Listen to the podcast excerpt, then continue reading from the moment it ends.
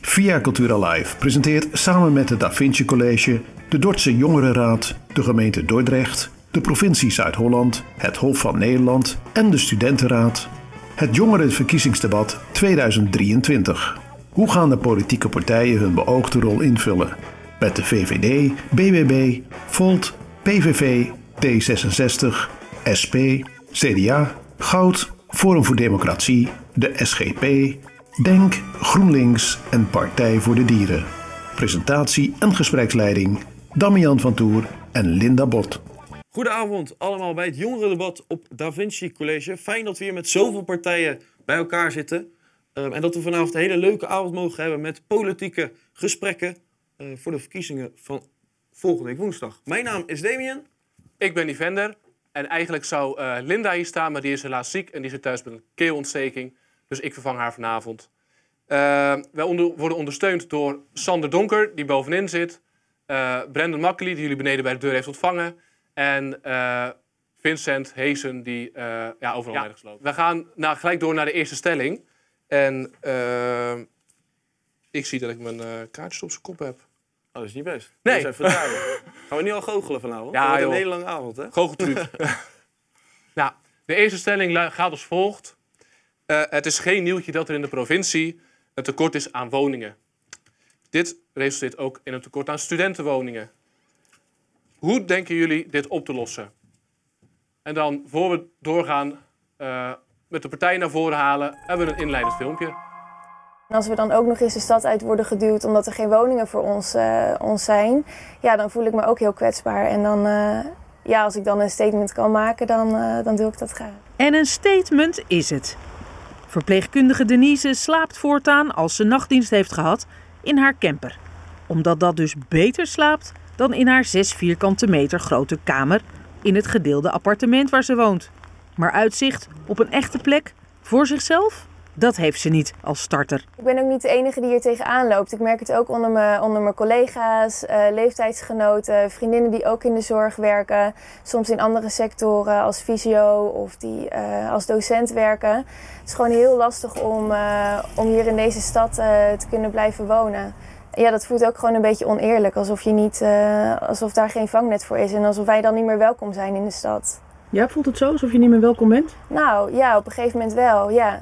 Als er wordt gezegd, uh, we weten het, het probleem is bekend, maar er wordt niet echt wat mee gedaan. Er wordt veel te weinig nieuwe sociale huur bijgemaakt. Uh, voor de klasse boven sociale huur is al helemaal niks beschikbaar. Uh, het wordt continu toegelaten dat alles wordt opgekocht door, door grote partijen. Dan denk ik wel, ja, waar is dan het vangnet voor ons? Of hoe worden wij dan ondersteund? En hoe voelt dat dan? Uh, nou, ook een beetje machteloos, want er is verder heel weinig wat ik nog kan doen.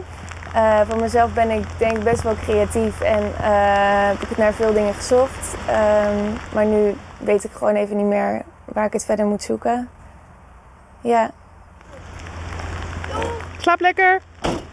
Het afgelopen jaar hebben 1012 onderwijzers en mensen uit de zorg zich aangemeld voor de voorkeursregeling om aan een huis te komen. 140 van de 1012 hebben op die manier ook echt iets gevonden. Ja, dan gaan we dus beginnen met de eerste stelling die ik nogmaals zal herhalen. Het is geen nieuwtje dat er in de provincie een tekort is aan woningen. Dit resulteert ook in een tekort aan studentenwoningen. Hoe denken de partijen dit op te lossen? We gaan deze eerste ronde in met BBB, de PVDA, Forum voor Democratie en Partij voor de Dieren. Jullie mogen naar voren komen. Geef ze ook een applaus, eh, dames en heren. We hebben verschillende microfoons. Ben ik nu zo ook nog goed hoorbaar? Ja. Dus daar kunnen jullie in praten. Jullie hoeven helemaal niks te doen. Dat is uh, chill. Ja, oké, okay, klasse. Uh, ik zou zeggen, stel nog een keer de stelling en dan kunnen we in gesprek met elkaar. Nog een keer? Nou, dan gaan we nog een keer. Nou, het is geen nieuwtje dat er in de provincie een tekort is aan woningen. Dit resulteert ook in een tekort aan studentenwoningen. Hoe denken jullie dat op te lossen? Mevrouw Pichel van de Forum Democratie. Ja. Um, nou, bedankt dat ik als eerste uh, aan het woord mag. Um, ja, als ik kijk naar de stelling, hoe gaan jullie dit oplossen? ehm, dan lijkt het geïmpliceerd te worden dat ehm, de woningnood het probleem is. Maar wat als het geen probleem is? Want wat als het gewoon het resultaat is van een aantal minder goede keuzes? En op het moment dat we gaan kijken dat iets niet zozeer het probleem is, maar iets is een resultaat van bepaalde keuzes, dan kun je proberen dat probleem op te lossen wat geen probleem oplost. Maar er zijn eigenlijk een aantal variabelen die ten grondslag liggen aan het resultaat wat er nu is. Dus in plaats van het oplossen van een probleem wat een probleem niet is, dan is het heel goed om te kijken welke variabelen het zijn die er aan ten grondslag liggen. En dan kun je natuurlijk denken aan verschillende variabelen, zoals um, nou ja, een woningmarkt die krap is, betekent we hebben meer vraag dan dat we aanbod hebben. Dus de vraag die heeft natuurlijk gewoon te maken met de hoeveelheid mensen die op zoek zijn naar een woning. Dus dat is een element waar je naar kunt kijken. Uh, je kunt kijken naar het element dat er natuurlijk een aantal veranderingen zijn geweest. Hè. De, de markt is op een bepaalde manier benaderd, waardoor we uh, ook een stukje met, met uh, privé-investeerders ja, hebben bemoeilijkt als overheid. Dus dat is een, een punt waar we ook met elkaar naar kunnen kijken hebben we daar ook de juiste beslissing in genomen? En um, hè, wat ik vaak hoor van andere partijen is dat ze zeggen: Nou, we zijn natuurlijk tegen huisjesmelkers. Dat zijn wij ook. Wij willen zeker niet dat er misbruik wordt gemaakt van de inwoners. Um, maar er is ook een eerlijke manier om investeerders een kans te geven om um, woningen te kopen, op te knappen en er gewoon voor te zorgen dat voor een eerlijke huurprijs een bepaald segment wordt bediend. Um, Nou, er zijn er andere manieren om ook te kijken welke variabelen zijn er nog meer. Uh, bouwen is absoluut iets wat we, wat we kunnen doen. Uh, en dat zijn we ook aan het doen. Je merkt natuurlijk wel dat de vraag zo groot is. Dus hè, we kunnen er bijna niet tegenop bouwen. Um, en zo, uh, nou, zo kun je natuurlijk naar, naar alle verschillende variabelen gaan kijken... om ervoor te zorgen dat je van alle kanten uh, eraan kunt bijdragen om, om dit op te lossen. En uh, nou ja, zeker ook als we gaan kijken naar uh, studenten of mensen die net afgestudeerd zijn en net op de markt komen, dan is het een segment uh, waar je wellicht niet voor de, voor de duurste woningen wil gaan. Het zal ook niet altijd het geval zijn dat het sociale huurwoningen zijn. Hè? Want als we gaan kijken, we hadden hier een voorbeeld van iemand die verpleegkundige is. Ja, die komen niet altijd in aanmerking voor een sociale huurwoning. Dus dat betekent ook dat je moet gaan kijken naar nou ja, goedkopere koopwoningen of huurwoningen die nog in een redelijke prijsklasse zitten. Top, dank u wel. Uh, meneer, uh, even kijken. Den Boer.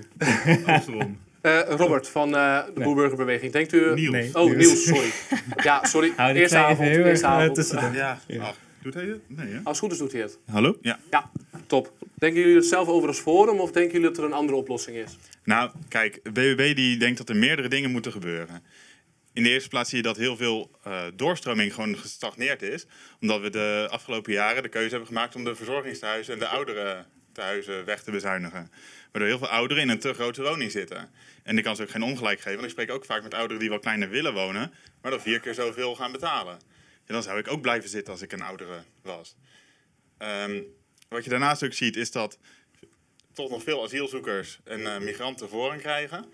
Daarom op uh, huurwoningen. Daarom heeft BBB ook voor een tijdelijke asielstop gepleit. Om uh, het weer op gang te krijgen, de woningmarkt. Om de verstopping eruit te helpen. En uh, er moet gewoon bijgebouwd worden.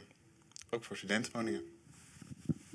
Max, ik zie jou moeilijk kijken. Wil jij hierop reageren? Ja, ik wil hier zeker op reageren. Want ik voel het toch van de andere kant. Ik ben net afgestudeerd en ik werk nu fulltime echt in een middeninkomen net iets boven modaal, die, die kant waarvan je eigenlijk denkt van, dan zou je eigenlijk over een huis moeten kunnen krijgen. En wat blijkt nou?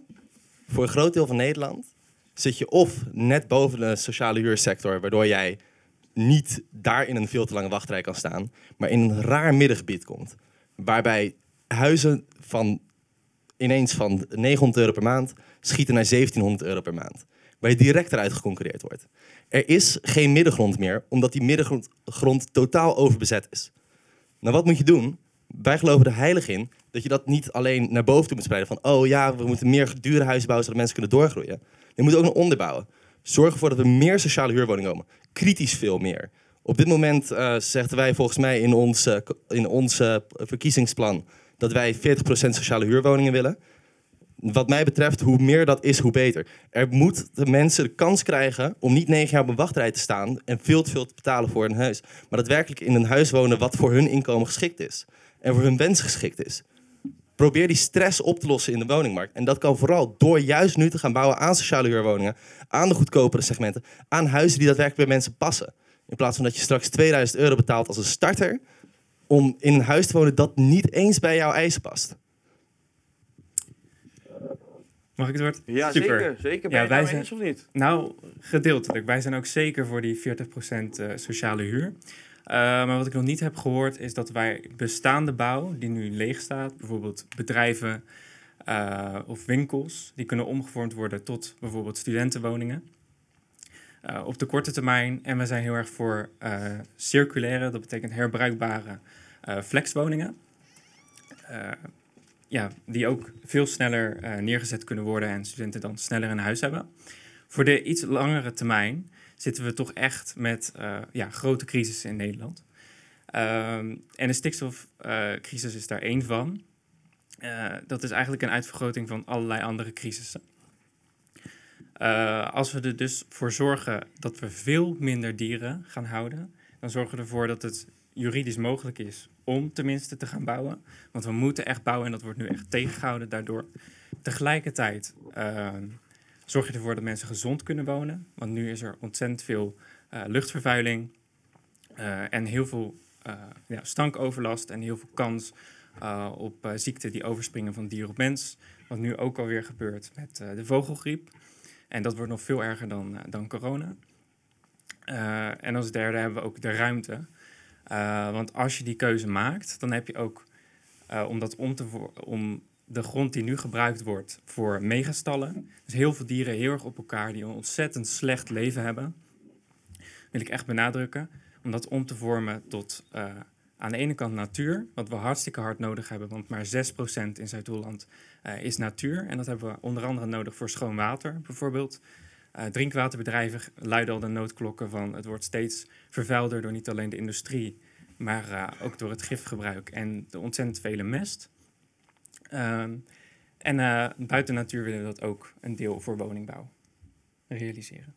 Ik zag jou net knikken. Daar ben je Ja, het mee eens. Nou, er komt heel veel uit de collega naast me waarvan Ja. ik denk van, eh, hoe krijg je het verzonnen? Maar ehm, om het er bij de stelling te houden, had hij ook iets over woningbouw gezegd. Dat we daarvoor een stikstofprobleem zouden moeten oplossen. En dat is op papier waar, maar stikstof staat de bouw van huizen niet in de weg. En dat zegt de WB niet alleen. Dat zegt ook het Economisch Instituut voor de Bouw. Dat wijst de Wageningen Universiteit uit. Dus dat is een schijnstegenstelling die gecreëerd wordt door mijn buurman. Dat eh, door boeren dat er niet gebouwd kan worden. Maar dat is niet het eerlijke verhaal. En als hij die rapporten zou lezen, bijvoorbeeld van het Economisch Inst- Instituut van de Bouw, zou hij dat ook weten. Ik wil er graag op reageren. Ja, want tuurlijk. Gaat u gang. Wij eh, baseren ons altijd op de wetenschap. Wij baseren ons echt op de ecologen, de biologen en de boswachters. En die zien allemaal dat het echt dramatisch slecht gaat met de natuur. Het wordt allemaal eenzijdig door de verzuring eh, en door de bemesting. En daardoor ja, ja, zorg je eigenlijk ervoor dat er de hele biodiversiteit, dus echt die balans, eh, wat ook heel belangrijk is voor de voedselvoorziening, eh, die kan vaak nog maar zeven jaar mee. De grond is zo goed, goed als dood. Eh, ook door het gifgebruik. En zo heb je allemaal zaken die zich opstapelen. Eh, en ja, we baseren ons gewoon op, op eh, wetenschappelijk onderzoek. En dat bewijst dat moet radicaal anders om al die crisissen in één keer op te lossen. Ja, maar ik, ik hoor jou net noemen over flexwoningen. Hier Ja. zijn naast Da Vinci College op Leerpark zijn hier rechts flexwoningen gebouwd. Zie jij studenten daar dan ook wonen waar een kamer, nou deze ruimte is groter dan die kamer zeg maar. Zie, zie jij je als student voor die mensen die achter de schermen kijken van ja, daar kan je dadelijk op je twintigste gaan wonen? Het is een tijdelijke oplossing. Dat is echt een tijdelijke En wat is oplossing. dan de oplossing op lange termijn volgens de Partij voor de Dieren? Op de lange termijn de, ja, de goe- goede woningen, de studio's bijvoorbeeld, de- de eh eenkamerappartementen. Eh, en die kunnen alleen maar gebouwd worden als dat ook juridisch mogelijk is. En eh, in eh, ja, een gezonde leefomgeving. Niels, jij wilde net eh, reageren op jouw collega. Ja, want hij zegt heel veel over eh, landbouw. Daar kunnen we volgens mij nog uren over doorpraten. Maar Ja, ik wil wel, wel, Eh, je wilt wel denk zeggen- ik bij de Zeker, zeker. Want woningen. dat komt pas En- bij ronde 2. Laten we het inderdaad over de Maar dan zou ik het ook fijn vinden als u dadelijk ook bij mijn collega dat eh attendeert. Zeker, zeker. Eh, maar hij zegt dus eigenlijk dat het Economische Instituut voor de Bouw en de Wageningen Universiteit niet wetenschappelijk is. Dat ben ik wel benieuwd hoe hij daar tot die conclusie zijn komt. zeker wetenschappelijk en dat ligt eraan hoe, hoe je het, of je het verslag helemaal leest of het gedeeltelijk leest. Als er staat van we kunnen, eh, eh, we kunnen niet aan de regels voldoen, dat is één. Maar als je dan verder leest, dan staat er bijvoorbeeld in als we nu geen drastische maatregelen nemen. En die maatregelen moeten echt genomen worden voor die huizen, voor de studenten. Ga ik even aan de linkerkant eh, van de tafel. Max, eh, ik zag net ook jouw hand opsteken. Ben je, ben je het eens met Partij voor de Dieren? Eh, ja, ik zal waarschijnlijk dichter bij de Partij van de Dieren liggen dan bij de BBB in dit geval. Want het praktische verhaal is gewoon dat wanneer je de boeren niet iets wat in laat dimmen, de bio-industrie niet iets wat in laat krimpen, dan zal een rechter, voordat je het weet, alle bouw wederom stilzetten. En dat is het laatste wat we nu willen. Dat betekent dat er nog meer mensen zitten te wachten en wachten tot ze eindelijk op een huis kunnen wonen. Nog meer mensen, hier zo in je studentenhuis, dat jij nog in je studentenhuis zit voor vier, nadat- vier jaar nadat je al werkt. Omdat er gewoon geen studio's bestaan voor de nieuwe opmaak van Nederland. Het is gewoon veel vaker zo dat mensen nu verlangen hebben naar een wat kleiner appartement.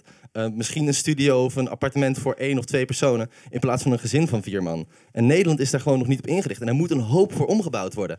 En we kunnen nu niet het risico nemen weer stilgelegd te worden door de rechter. En weer alles uit te stellen. Omdat we nu weer proberen de boeren te verzachten en in watten te dopen. eh, zoals we de afgelopen tien jaar hebben gedaan. Ik krijg door in mijn oortje dat we nog vijf minuten hebben. En ik wil dan graag in die laatste vijf minuten nog naar reacties van mevrouw Pichel. Een reactie of mag het ook een vraag zijn? Zeker, mag ook. Eh, ja, ik wilde eigenlijk nog even inhaken op wat mijn collega rechts eh, net zei. Eh, want ik vond dat hij bij ons een sterk punt had eh, toen, toen u het had over ja, die, die doelgroep, hè, die net afgestudeerden, die eigenlijk helemaal geen, geen huis kunnen vinden. En u gaf toen ook aan van nou, er moeten wel sociale huurwoningen komen. Eh, en bedoelt u dat dan als, als eh, een soort uitstroom naar een, een, eh, een, een segment wat dan bedoeld is voor deze net afgestudeerden? Of bedoelt u het als een aanbod voor deze net afgestudeerden? Nou, ik kan het denk ik het best omschrijven zoals ons verkiezingsprogramma ook zou zeggen. Ehm, wij willen dat ook specifieker maken. Wij zeggen huizen met een huur van onder de 1000 euro. En koopwoningen van onder de 250.000 euro. Om dat middensegment op te vullen. En daarnaast het steunen van de woningcorporaties in hun mogelijkheid om meer sociale huurwoningen op de markt te zetten. Mag ik nog een vervolgvraag stellen? Zeker. En dan inderdaad in dat segment onder de 1000 euro en de koopwoningen onder 250, zei u hè? Ja. Ja. Eh, wat, wa- waarin ziet u daarin de rol van de overheid of de rol van eh, eh, particuliere investeerders? Nou, het, het is mooi dat de provincie hier natuurlijk een grote rol in kan spelen. De provincie is verantwoordelijk voor ruimtelijke ordening. Eh, dat maakt eigenlijk dat de provincie een bestemmingsplan kan opleggen voor een gebied. Ehm, de provincie kan daarbij gemeentes dus ehm, enigszins druk toespreken om ervoor te zorgen dat zij eh, gebieden vullen met bijvoorbeeld, zoals wij zouden zeggen, 40% sociale huurwoningen. En die rol zou de provincie moeten spelen om juist eh, meer druk te leggen op de gemeentes, die dan weer via aannemers moeten gaan werken. En als alles hens aan dek komt en het is echt nodig, dan gelooft de PvdA er ook in dat misschien de provincie zelf aan de slag moet gaan om dit te gaan doen. Nou, eh, ik denk dat het verstandig is om aan een afronding aan te komen. Want eh, ik begreep van mijn collega boven dat we al iets uitliepen. Ehm, ik wil de partijen graag bedanken voor eh, ja, hun inbreng. En ik wil dan eh, ja, de heer Stevens naar voren roepen voor eh, zijn tussenprogramma. Dank jullie wel. Ja, goedenavond allemaal. Ook namens het college van bestuur van Da Vinci wil ik u van harte welkom heten vanavond bij ons. Ik vind het ontzettend leuk om dit eens mee te maken. Ik ben zelf helemaal niet politiek actief. Ik, heb, ehm, eh, ik ben nu 53 jaar. Toen ik in 1988 18 werd, toen mocht ik voor het eerst stemmen. Dat heb ik toen in Wierden gedaan, waar mijn opa woonde. Daar konden we stemmen voor het Europese, ehm, Europees Parlement. Ehm, ik ben ook niet zo partijvast, geef ik eerlijk toe. Ik eh, ben eh, van, begonnen bij het CDA, toen een tijdje VVD en de laatste keer D66. Dus het spijt me als ik u. eh, maar ik vind het wel ontzettend leuk om dit mee te maken hier. Om mensen zo enthousiast voor hun standpunten te zien. Dat vind ik ontzettend leuk. Ehm, ik wil graag toch ook wel even een applausje vragen voor alle studenten die dit zelf hebben georganiseerd. Want ja. Eh, want, want invulling geven aan de democratie, dat doen we natuurlijk met elkaar. Ehm, wij, eh, ik, heb, ik heb van uh, Yvonne een mailtje gekregen van de week.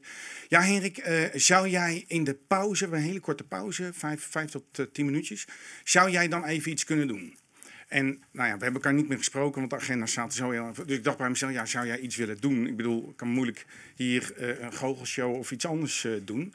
Dus ik dacht, um, ik, ik, zoek in ieder geval eens even op van wat zijn nou de belangrijkste onderwerpen waar we hier in de provinciale verkiezingen nu echt uh, met elkaar omgeven. En dat is by far inderdaad het woningtekort, hè, de woningbouw. Um, niet heel veel daaronder energie. Uh, alles wat met energievoorziening, energieprijzen en noem het allemaal maar op te maken heeft. Op de derde plaats staat natuur en milieu. En op de vierde plaats economie. Vijfde plaats verkeer en vervoer. Nou, en dan krijgen we nog landbouw en op de zevende plaats bestuur en uh, achtste plaats recreatie en sport. Dus ik denk dat we hier met die stelling al wel een hele goede uh, te pakken hebben. En ik ben natuurlijk zelf ook nog heel benieuwd naar wat de andere stellingen zijn. Um, maar wij zijn hier op een onderwijsinstelling. ROC, Da Vinci, MBO-onderwijs, inburgering en educatie doen wij hier ook entree. En de alle niveaus van het MBO. En nou zag ik onlangs in Tijdgeest, ik lees Trouw, zag ik een heel interessant artikel van uh, Jacques Vriends. Jacques Vriends kent u misschien ook wel. Die, uh, de schrijver van de kinderboeken. Gaat het allemaal goed? Of oh, is het nog niet gebracht? Onze microfoon Kan er een microfoon uit, jongens? Ga verder, Hendrik. Ja, ja het, het, het, kwam een beetje voor als uh, B1, B2, nee, nee, Adriaan en uh, nee, Bastien Maar um, En als u het goed vindt, het zijn maar 2,5 pagina's, wil ik dat toch even met u delen. Ik weet dat in het politieke debat moet je ook heel goed leren luisteren. Dat heb ik net ook weer even gezien. Het is een heel intensief. Ik weet dat ik even een appel op u doe. Het duurt ongeveer drie minuten, maar ik wil het toch even met u delen. Ik groeide op in de jaren 50 van de vorige eeuw in het Brabantse Helmond en kreeg een gedegen Roomse opvoeding. Thuis van mijn ouders en op de lagere school van de broeders van de onbevlekte ontvangenis van Maria. Ik ging iedere zondag naar de kerk, had grote eerbied voor meneer pastoor, biechtte regelmatig en s'avonds voor het slapen gaan deed ik een gebedje. Kortom, de regels waren helder. Als ik goed mijn best deed, kwam ik vanzelf in de hemel. Bijna iedereen in Helmond was katholiek. Er woonden wel wat protestanten, maar met hen ging je niet om. Toen mijn poes was weggelopen en ik als achtjarig jongetje mijn kat na twee dagen terugvond in de tuin van het protestantse kerkje, vond ik dat heel erg. Ik rende naar huis en riep wanhopig tegen mijn moeder: Mam, onze poes is protestant geworden. Ik was tien toen mijn ouders gingen scheiden en meneer Pastoor mijn moeder kwam vertellen dat als zij als gescheiden vrouw nog wel in de kerk mocht komen, maar niet meer ter communie mocht gaan. Mijn moeder had meneer Pastoor net een kopje koffie aangeboden. Na zijn mededeling dat ze niet meer het ouweltje van hem mocht ontvangen, trok zij het kopje onder zijn neus vandaan en sprakte in onze familie historische woorden: Meneer Pastoor, daar is het gat van de deur.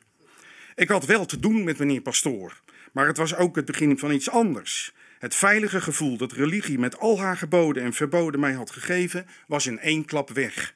Ik begon zelf, zo goed en zo kwaad als dat gaat voor een jongetje van tien, na te denken over van alles en nog wat. Ik kon het nog niet onder woorden brengen, maar op de een of andere manier wist ik dat de absolute waarheid niet bestond. En ik durfde zelfs te denken: misschien hebben de protestanten en mijn poes ook wel gelijk. Op de middelbare school kreeg ik geschiedenisles van meneer Breukers, die fantastisch kon vertellen en mij de liefde voor geschiedenis bijbracht. Hij behandelde uitgebreid de Tweede Wereldoorlog. Tot dan dacht ik dat alle Duitsers rotzakken waren en vrijwel heel Nederland in het verzet zat. Meneer Breukers vertelde over die Wijze Rozen, een verzetsgroep van Duitse studenten die het opnamen tegen de nazi's en dat met de dood moesten bekopen. En ik kwam erachter dat er ook Nederlanders waren die met de Duitsers hulden.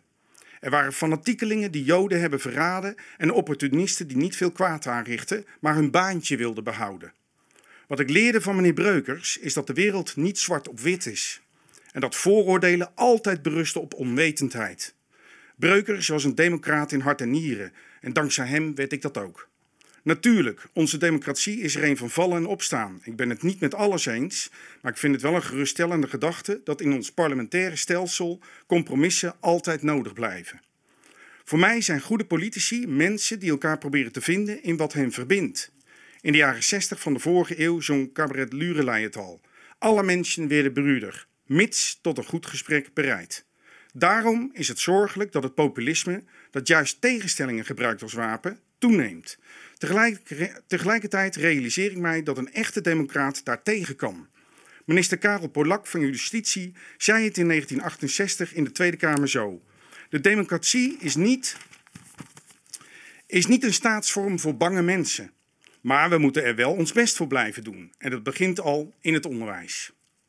Saamhorigheid kan positief zijn. Je speelt samen toneel, legt een buurtparkje aan of sport met elkaar. Maar ergens bij willen horen ook, kan ook voortkomen uit de angst voor vrijheid. De angst om zelf na, moeten, na te moeten denken en zelf keuzes te maken. Je wilt dat iemand anders voor jou denkt en zegt wat goed en wat fout is. En wie er wel bij hoort en wie niet. Ik realiseerde mij uh, dat er twee soorten leerkrachten zijn: de autoritaire en de democratische. De autoritaire leerkracht, man of vrouw, maakt de dienst uit. De kinderen passen zich aan en hoeven zelf niet na te denken. Vraag niet wat er onderhuids in zo'n klas gebeurt. Pesterijen, discriminatie en kinderen die iedere dag met een steen in hun maag de klas binnenstappen. Dit alles kan heel enge volwassenen voortbrengen die zich maar al te graag uitleven op hun ondergeschikte of juist vervallen in passiviteit en maatschappelijke desinteresse. Kortom, het ideale publiek voor nieuwe leiders met hun griezelige en intolerante ideeën, want die zeggen tenminste waar het op staat. De democratische leerkracht wil, wil geen schijndiscipline. Bij hem krijgen kinderen de kans om te, om te ontdekken wat ze wel kunnen. Deze leerkracht heeft ook voor de groepsprocessen en maakt die bespreekbaar. Hij laat kinderen zien waar het fout gaat en neemt daarover zelf een duidelijk standpunt in. Hij zorgt dat kinderen echt naar elkaar luisteren en van mening mogen verschillen. Met de groep stelt de juf of meester de regels vast en ziet erop toe dat iedereen zich daaraan houdt. En als er dingen niet goed lopen, dan wordt dat besproken. Gezamenlijke afspraken kunnen gaan over simpele zaken als wanneer mag je naar de wc, wat betekent stilwerken, maar ook wat doen we als er iemand gepest wordt en wat als je vindt dat de meester jou oneerlijk heeft behandeld. Zo voed je kinderen op tot zelfstandig denkende wezens, zonder daarbij te vergeten dat op zijn tijd structuur nodig is. Kinderen blijken heel goed in staat om afspraken te maken, zeker als ze zich bewust zijn dat ze met elkaar verantwoordelijk zijn voor het wel en wee van de hele groep. Niet alle kinderen hoeven dikke maatjes te worden, maar ze kunnen er wel voor zorgen dat iedereen met plezier naar school komt. En dat kan al vanaf de kleutergroep. Kortom, een schoolklas is de wereld in het klein, waar je leert voor later. Wanneer de sfeer in de groep goed is en kinderen zich veilig voelen, maar wat hier gezegd wordt over kinderen geldt net goed voor studenten alsof, en voor volwassenen, wordt dat dubbel en dwars terugverdiend. Want er gaat niet of nauwelijks tijd verloren aan gedoe, ruzies, pesterijen of kinderen die uit de boot vallen. Kinderen weten zich gezien en zijn daadwerkelijk bezig met leren voor nu en later. Naast deze sociaal-emotionele vorming is het van belangrijk dat kinderen over de schutting kijken.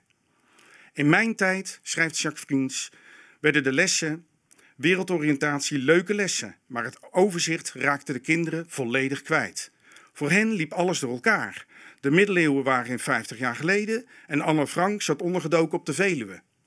Ik besloot op een dag om weer ouderwets geschiedenis te gaan geven, vooral door verhalen te vertellen, net als meneer Breukers. En mijn leerlingen zo de mooie, maar ook de zwarte kanten van ons verleden te laten zien. Ook aardrijkskunde en biologie gaf ik weer apart. En dat in heldere, overzichtelijke structuren om kinderen zo greep te laten krijgen op tijd en ruimte, waarbij ik regelmatig zaken relativeerde. Ook ik heb de wijsheid niet in pacht. Maar ik wilde ook de onderlinge samenhang laten zien. Daarom organiseerden we met de hele school regelmatig een themaweek. Waarin we zoveel mogelijk vakken met elkaar verbonden in thema's als anders zijn, ons milieu, wonen of arm en rijk. Maar ook sprookjes, theater of Rembrandt. Vanaf groep 5 hielden we wekelijks een nieuwskring. Twee kinderen bereidden die voor, ze knipten stukjes uit de krant en bekeken het jeugdjournaal. Alles mocht. Van oorlogen, hongersnood in een Afrikaans land, homo's die in elkaar werden geslagen, tot een weggelopen poes.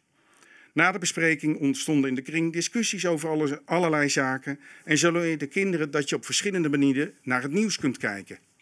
Het fluisterspel was ook heel leerzaam. Hoe goed kun je luisteren? In de kring fluisterden we een korte boodschap door. Bij de laatste leerling was: Een Belg heeft een konijn gestolen uit onze tuin en deed daarna van vreugde een dansje, veranderd in: Een dansend konijn deed een plasje in onze tuin.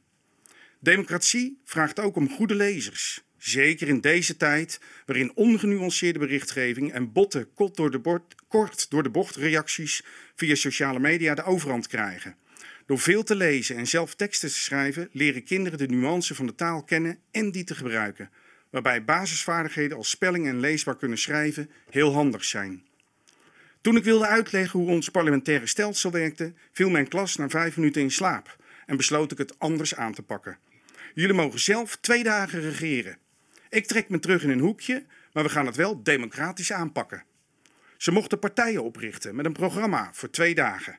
Er kwam een MSP, meer sportpartij. Een MMMM, meer macht met meiden. De Nietsdoenpartij en de Discopartij. Er barstte een felle verkiezingsstrijd los met flyers, toespraken, posters en snoep. Geen enkele partij had de meerderheid, dus kwam er dankzij een informateur, de meester, een coalitie. Er werden drie ministers aangewezen die een gevarieerd programma samenstelden. Na elke halve dag legden de ministers verantwoording af van de Tweede Kamer. Ik kwam uit mijn hoekje en nam de rol van Kamervoorzitter op me. Het ging er soms heftig aan toe met moties van wantrouwen en ministers die naar huis werden gestuurd omdat de minister van Sport bij slagbal kinderen had voorgetrokken of bij de disco de muziek slecht was. Ik heb dit democratiespel regelmatig gespeeld en ik hoor vaak terug van oud-leerlingen dat ze eraan moeten denken als er echte verkiezingen zijn. Scholen zijn nu verplicht om burgerschapsonderwijs te geven. Dat geldt ook voor Da Vinci. Uitgevers brengen hiervoor methodes op de markt. Maar burgerschap haal je niet alleen uit een boek, je leert het in de praktijk van alle dag. Geef kinderen de, vrijheid, geef kinderen de kans om op te groeien tot volwassenen die de vrijheid echt aankunnen. Die elkaar waarderen om hun talenten, of je nou automonteur of arts wil worden. Die zelf nadenken en tolerantie als vanzelfsprekend beschouwen. Ik dank jullie wel. En met dit uh, mooie woord van Hendrik uh, gaan we door naar een kleine pauze van 10 minuten. Ja, voor de pauze, dames en heren, hadden we Hendrik als uh, gastspreker. dank Hendrik daarvoor. Laten we snel doorgaan naar stelling 2. Stelling 2 luidt: meer investeren in zonneparken en windmolens of lobbyen voor een kerncentrale in de provincie. We hebben daar een aantal partijen die ik graag zou willen uitnodigen om naar beneden te komen. Dat is CDA, SP, Partij voor de Vrijheid en Volt. Komt u maar. En u ziet ook GroenLinks staan, maar je wisselt even om. En dan hebben we ook hier uiteraard, dus u mag misschien wel nog even een stapje naar voren doen. We hebben uiteraard hier ook nog even een heel kort filmpje van Arjan Lubach. Heeft u een beetje zin oh. vanavond? Ja, absoluut. Ik uh, zie er naar uit om uh, dit gesprek aan te gaan over dit uh, mooie onderwerp. U heeft een mooie sjaagje om. ja, van CDA. Goed. Ja, zeker. Ja. Ja, nee, Laten we naar het filmpje gaan, want anders doet het nu wel. En dan, we moeten het hebben over, hou je vast, kernenergie. En waarom? Omdat dit mijn programma is en ik mag dat bepalen. maar ook vanwege dit. Als de mens niet snel de uitstoot van broeikasgassen omlaag brengt, zijn de gevolgen van de opwarming van de aarde enorm. Ja, we moeten snel minder CO2 gaan uitstoten, want anders warmt de aarde te veel op. Eh, ik adem sinds kort alleen nog maar door mijn neus, maar daarmee redden we het niet. We proberen al een tijdje zoveel mogelijk over te stappen op windmolens en zonnepanelen, maar dat gaat te langzaam. Gelukkig is er nog een manier om energie op te wekken zonder CO2-uitstoot. En dat is, hou je vast, kernenergie. Dan gaan we door uh, naar de stelling. Mag ik als eerst eigenlijk het woord geven Henk de Vree van de PVV? Heeft u inmiddels warm? U zei net van, ik heb het een beetje koud. Heeft u Ja, zeker. Ja? Het is tijd voor een, uh, een kerncentrale. Ja, ja. daar wilde ik eigenlijk naartoe. Ja, dat en het uh, nog een beetje betaalbaar ja. houden voor de Da Vinci, wat de kosten betreft. Ja. Dus. Wat vindt u van deze stelling? Voor welke keuze zou u maken als PVV? Uh, wij zouden heel simpel voor kerncentrale gaan uh, en niet voor zonneparken en windmolens. mag zich omdraaien hoor, want de mensen staan daar. Oh ja, ja ik ben de stelling aan het lezen. Ja, ja, dus ik, ik moet wel weten waar ik over praat natuurlijk. Uh, wind en zon, hartstikke leuk natuurlijk, maar we redden het never nooit met wind en zon. Dat gaat gewoon niet lukken. Op dit moment is 12% van de energievoorziening wind en zon. En dat is het zelfs nog niet eens, want er komt er biomassa nog bij. Dus 12% voor die drie componenten, dat is bijna niks. Kerncentrale hebben we absoluut nodig. Dat is ons standpunt. Wat vindt uh, mevrouw CDA ervan? Bent u het daarmee eens of niet? Ja, ik ben het daar zeker mee eens. En de stelling uh, gaat eigenlijk twee kanten op. Het zegt enerzijds moeten we uh, zonnepanelen en uh, windmolens doen... of moeten we kernenergie doen. En ons antwoord als CDA is dat ook, we moeten echt allebei doen. Want de opgave waar we voor staan is enorm. De ijskappen smelten, we hebben te maken met afhankelijkheid van Rusland steeds minder... en we zien daardoor dat we steeds meer op eigen benen moeten staan... Um, en daarvoor zijn beide oplossingen nodig. Dus ik zou zeggen niet of-of, niet twee halve oplossingen, maar echt allebei. En alle, alle ogen op de bal in dat opzicht. En wat vindt Iris daarvan, van de SP? Eh, ja, ik vind daar een aantal dingen van. Ehm, ten eerste is het eigenlijk ook heel belangrijk voor mensen dat eh, energie niet alleen maar schoon is, maar ook betaalbaar. En als we dan kijken naar kernenergie, dan is dat eh, vier keer zo duur als andere vormen van energie. Wat betekent dat het eigenlijk voor de betaalbaarheid al geen oplossing is. Dus dan zou je veel beter kunnen investeren in eh, zon op dak bijvoorbeeld. En ook windmolens, maar niet zozeer dicht bij de buurt en de plekken waar mensen wonen, maar bij industriegebieden, eventueel op zee. Dat zijn veel betere oplossingen. Want een, een, een kerncentrale leidt wat dat betreft eigenlijk af van de we- wezenlijke discussie die we hier met elkaar moeten voeren. Eh, en het is ook nog eens zo dat ehm, als we niet afhankelijk willen zijn, dan moeten we juist niet voor kernenergie gaan. Want onder andere de grondstoffen voor kernenergie komen op dit moment grotendeels bijvoorbeeld uit Rusland, Kazachstan, China, Afrika. Dat moet je niet willen met elkaar. Mag, mag ik misschien onderbreken? Of, Ja, ik mag een vraag stellen. En daarna komen we Een, soort interruptie, zullen we maar even zeggen, om in stijl van de provinciale staten te blijven. Waar haalt u die vier keer vandaan? Dat eh, blijkt uit alle kostenberekeningen voor het creëren van kerncentrales. Dat uiteindelijk dan Mhm. de som is dat het vier keer zo duur is. Ik zou ook graag willen dat het misschien anders was. En dat Ja. kernenergie ook nog eens schoner was dan dat nu gepretendeerd wordt. Want dat afval, dat is ook nog eens een probleem. Waar laat je dat? Het is voor 10.000 jaar heb je dat afval. Mhm. Ja. Maar de realiteit is gewoon anders. We willen het gesprek graag aangaan. En als er een mogelijkheid zou zijn dat kernenergie echt de oplossing was, dan zouden we ervoor openstaan. Maar wij zien dat gewoon niet zo. Nou, even eh, inhakend op dat onderzoek. Ik kan u onderzoeken tonen waar dat precies omgekeerd is. Dus misschien moeten we eens met elkaar praten op het moment dat dit Kan eh, altijd. voorbij is. Eh, twee, bent u bij de opslag geweest van kernafval? Ik ben daar niet persoonlijk geweest, Ik maar ik wil daar heel graag heen gaan. Ik wel. kan. En dat is heel lonend, want dan ziet u dus dat over jaren verdeeld daar heel weinig afval ligt. Dat komt over het algemeen trouwens uit ziekenhuizen. En niet zozeer uit kerncentrales. Omdat we ze op dit moment niet hebben. Afval is miniem, ook in het buitenland. Dus wat dat betreft, ik denk dat u huiswerk nog een keer over moet doen. Nou ja, nog één reactie. ik weet dat het afval heel schadelijk is. Dat we daar echt generatie op generaties mee opzadelen. En dat is iets wat ik onze aarde niet aan wil doen. Als we het dan hebben over dat Mhm. we een schone aarde willen hebben met elkaar... dan is wat dat betreft dat niet de oplossing in mijn optiek. Ja, ik- maar ik, ik wil ben- altijd het gesprek aangaan. Ik wil toch wel even naar Gijs. Gijs, Dankjewel, dankjewel. wat Eh, zou jij ervan vinden? Kerncentrale of zonnepark? nou, zo simpel is het niet. Wat wij willen is een klimaatneutraal 2040. En eh, om dat te bereiken zullen we moeten streven naar een veilige, duurzame eh, en stabiele eh, energievoorziening. En daarmee redden we het niet alleen met zon, ook niet alleen met wind. En zullen we dus ook een kerncentrale moeten hebben. En die zal in deze provincie moeten komen. En wel op de Rotterdamse Maasvlakte. Als we de Rotterdamse haven op kernenergie kunnen laten draaien, dan kan deze volledig onafhankelijk, helemaal stabiel blijven draaien.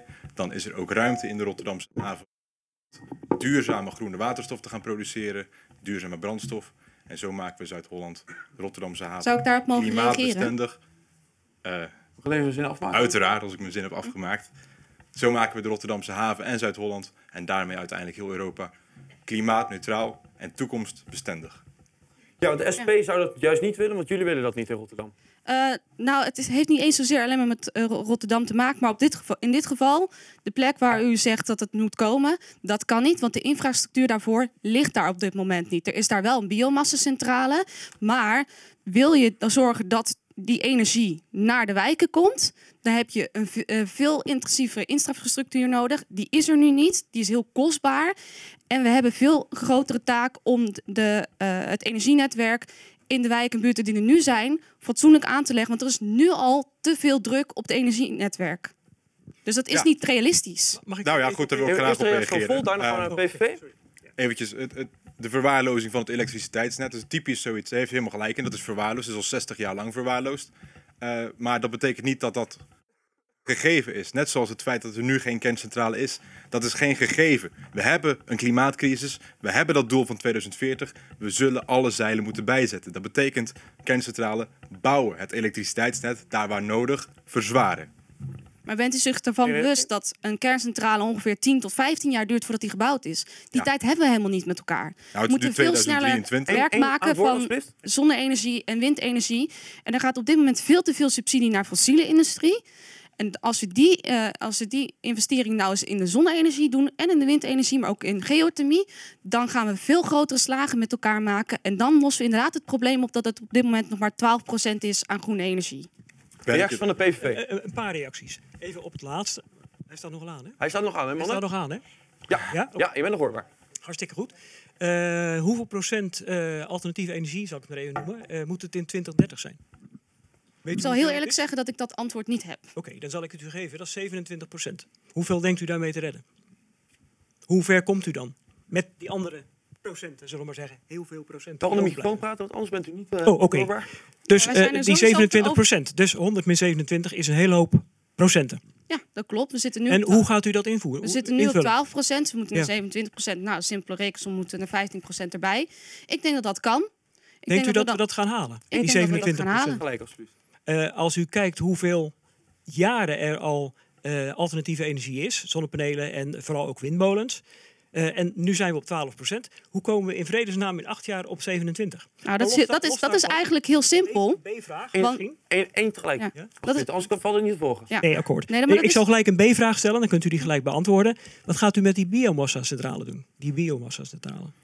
Daar Wat gaat geen- ermee gebeuren? Biomassa zijn wij dus geen voorstander van. Wanneer is is helemaal niet groen. Wanneer is die centrale weg? Zo snel mogelijk. Dan kan de mooie kerncentrale komen. Dat is mooi. Dus dat is weer opgelost. Nee, want die infrastructuur is daar dan nog steeds niet op die vlakte. Maar, eh, Maar ik wil even ingaan op uw punt van wat, hoe gaan we nou die 27% halen met elkaar? We hebben tot nu toe onze energie eigenlijk altijd aan de markt overgelaten. We hebben altijd gezegd van we, laten, we privatiseren het. Dan die zorgen voor de goede kwaliteit. Die zorgen dat er genoeg eh, energie is. En we zien dat de markt faalt. We zien ook nog eens dat mensen veel te veel betalen voor hun energie. En dat betekent dus dat we het eigenlijk zelf moeten gaan regelen. En daarom zeggen wij, we moeten gaan voor een provinciaal energiebedrijf dat fatsoenlijke investeringen gaat doen. Misschien mag ik er even op reageren. Nee, want ik ga het- eigenlijk naar het CDA, want wat vindt het CDA voor het- hiervan? Voor het debat, PVV en de Ja. SP. Nee, ik, ik snap het, maar voor het debat is het best even interessant. Want Nee, maar dat was ga- niet ik ga naar CDA. Ik zou er ook graag op ingaan. Ik het vind het debat. heel interessant.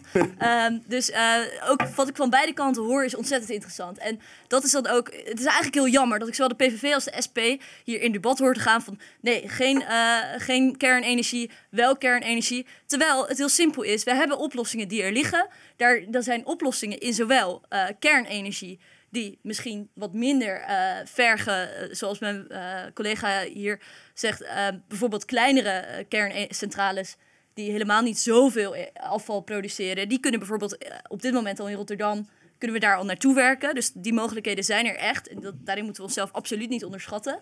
Die infrastructuur kan er komen.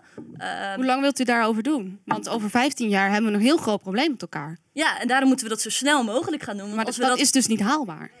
Nou, dat lijkt me zeker wel haalbaar. En in de tussentijd moeten we heel hard aan de slag om al die daken van die- al die industrieterreinen vol te leggen met zonnepanelen en om zoveel mogelijk. Dat laatste ben ik met u eens. Maar dat hebben we allebei nodig om op lange termijn te gaan naar een toekomstbestendig plan waar iedereen thuis kan zijn in Zuid-Holland en in de plek waar wij met z'n elkaar leven om op die manier eh, onze energievoorziening op lange termijn draaiend te houden. Dat is echt allebei van heel hard nodig. ik ben het eens met u zon op dak. Dus dat is echt al een eh, grote investering die we zeker moeten doen. Maar als ik u zeg dat het 15 jaar duurt voordat er een kerncentrale staat, waar haalt u het dan vandaan dat het eerder kan? Ik zeg niet dat het eerder kan. Ik zeg Maar dat we dan zo dus snel mogelijk moeten beginnen om zo snel mogelijk deze ontwikkeling te kenteren. Dus we- als we nog heel lang met elkaar blijven praten dat het geen oplossing is omdat het nog 15 jaar duurt, dan duurt het geen 15 jaar, dan duurt het 15 Maar we zijn nu in 2023, over 15 jaar zijn we in 2038. Dan zijn we toch echt te laat. Nou, dan moeten we nu echt heel snel gaan beginnen daaraan. Wat ik heel jammer Misschien- vind in deze discussie is dat het al gelijk gaat over wat er allemaal niet kan. Er zijn allemaal hele. eh, Maar u heeft mij ook gehoord over wat er wel Even kan. wachten, even wachten. Er zijn een aantal redenen, allemaal redenen waarom een kerncentrale niet zou kunnen. Nou, niet op die plek, want er is geen infrastructuur en dit en dat en dat. Maar ik wil graag kijken in termen van de dingen die wel kunnen. Natuurlijk moeten er meer zonnepanelen bij komen in Nederland. Natuurlijk moeten er meer windparken. Met name op zee, maar ook op land. Het zal allemaal moeten. Maar we moeten alle zeilen bijzetten om in 2040 klimaatneutraal te zijn. Dus dan hoef ik geen percentages te horen. Het enige percentage wat ik wil horen is 100% 100% klimaatneutraal en geen, geen procent minder. Dus dan zullen we ook aan kernenergie moeten. Want kernenergie is de enige duurzame vorm van energie die stabiel is. Waar we op, altijd op kunnen rekenen, ook als het niet waait, ook als de zon niet schijnt. Dus ja, duurzame energie, zon en wind. Maar ja, ook kernenergie. Misschien mag ik even op die 15 jaar reageren. Laten we even van die 15 jaar uitgaan. Laten we daar eens even niet over discussiëren. Wij roepen al meer dan 10 jaar als PVV zijnde dat er een kerncentrale moet komen. Ja. U houdt dat al meer dan 10 jaar tegen. Dat betekent dus dat we over een paar jaar een kerncentrale hadden kunnen hebben. En dat uw argument dus helemaal niet opgaat. Nou ja, U probeert het alleen maar te rekken. U probeert ik hoor- gewoon. ik hoor wat- want uw u zegt, partij is, hartstikke progressief. Maar uw partij is helemaal niet progressief. Die is Ja. zo behoudend en zo conservatief als de pest. want u wil niks nieuws. U wil gewoon niks nieuws. Nou, dat is interessant. Want wij zeggen zon op dak, wij zeggen windmolens, geothermie, we zeggen waterenergie, we zeggen al die dingen. 27 procent in 2030. Ja, maar dat, is, eh, dat zijn de oplossingen die wij aangeven. En eh, dat is gewoon allemaal haalbaar. Maar als het gaat om kernenergie, dat heb ik u net ook al uitgelegd. Het is vier keer zo duur. Deze mensen zitten niet te wachten op nog eens een, een energierekening die nog eens vier keer zo duur wordt. Dat is toch dat is geen realisme. Beste mevrouw van de SP, ik heb u net gezegd dat ik u een onderzoek zal geven waar dit precies omgekeerd is. Dus eh, progressieve partij, leef u in en kijk eens naar nieuwe onderzoeken. De tijd staat niet stil, u zit niet meer in de middeleeuwen. Toen hadden ze geen Maar kernenergie. wat, wat staat er in die cijfers van het onderzoek? Het Die precies het omgekeerde. Het is veel goedkoper. Waar het om gaat is namelijk wat je meerekent. Reken je alleen de bouw van de kerncentrale? Reken je wat het opbrengt? De opbrengst is heel interessant. Als je een auto koopt eh, of een ander, eh, we een productiemiddel nemen, dan kost dat productiemiddel geld. Maar daar gaat het niet alleen om. Het gaat er ook om wat dat productiemiddel opbrengt. En dat geldt voor een kerncentrale dus ook. Op het moment dat je een kerncentrale hebt, gaat die daarna opbrengen. Het en dan is het dus zeker niet het eind van de maand betalen. En daar ja, maar dat op. kan alleen maar omlaag gaan, beste mevrouw van de SP, op het moment dat u die kerncentrale neerzet. Want dan wordt het alleen maar steeds goedkoper. U redt het niet met zon en wind. U loopt achter molentjes aan. Stop er nou toch eens een keer mee. Reactie, reactie van de SP. Wilt u daar nog op reageren? Nou, eigenlijk niet. Ik weet je, ik, ik vind het heel grappig dat we hier met woordspelingen gaan spelen. Maar het is iets heel serieus waar we het over hebben met elkaar. We hebben het over klimaatcrisis, we hebben het over mensen hun energierekening. En daarom zeggen wij collectief organiseren, maar wel duurzaam, zodat we een schone planeet achterlaten. Dat kunt u conservatief noemen, maar ik noem het realisme. Eh, dat is de klasse benadering van de, de klassieke benadering van de SP. Welke klimaatcrisis hebben we eigenlijk? Laten we, laten we deze discussie niet, eh, niet aanvagen. Want dan redden we, redden we vrijdagavond niet. De reactie van de Volt. Goed, ja, ik vind het wel heel erg jammer dat het inderdaad weer een heen en weer geschreeuw wordt van zowel de PVV als de SP. Want, nou, even wachten. Eh, ik wil eigenlijk een vraag stellen aan alle andere kandidaten die hier staan. Eh, staan jullie achter het doel van een klimaatneutraal 2040? Absoluut. Absoluut niet. twijfel. Nee, absoluut niet. Wij zien helemaal geen klimaatcrisis aankomen. Dat is absoluut U totale ziet, nonsens. u ziet geen klimaatcrisis. Absoluut niet. Zullen wij, zullen wij een weddenschap afsluiten over tien jaar of de klimaatcrisis al is? Dan bent u waarschijnlijk dood vanwege de klimaatcrisis en ik nog niet. Want over, ik heb 15 Ik jaar vind het een wonderlijke reactie. Dat kan, maar dat is het leuke van een debat. Je kunt elke reactie geven die je maar kan bedenken. En dit is Ja, maar u kunt niet elke waarheid verkondigen. De klimaatcrisis die bestaat en daar moeten we op acteren. Dat zullen wij met urgentiebesef moeten doen. Wij verschillen van mening. Dus heel simpel. Kom eens langs, zou ik zeggen, na het debat. Eh, wij verschillen van mening. Mag ik daarom eh, een vraag stellen?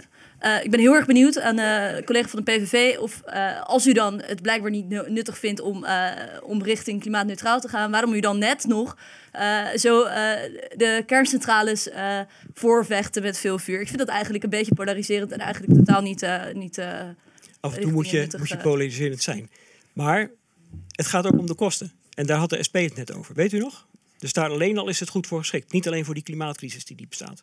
Ja, absoluut. Maar die klimaatcrisis die bestaat en daar moeten we ook echt met z'n allen voor aan de slag. En daarom wil ik nogmaals benadrukken dat het echt nodig is dat we zo snel mogelijk, zowel met zon en wind en, en dus die eh, kerncentrales echt aan de slag moeten. Want de tijd dringt en daarin zijn we... Wij verschillen van mening. Wa- Wanneer is het op trouwens? Wanneer gaan we, wanneer gaan we, ik wil even weten Nee, wanneer we nee, nee, doodgaan. ik wanneer is die klimaatcrisis Even, zo ik- ver dat we het loodje Meneer van de? PVV, ik leid hier het debat, dus ik bepaal welke vragen gesteld worden. Dank u wel.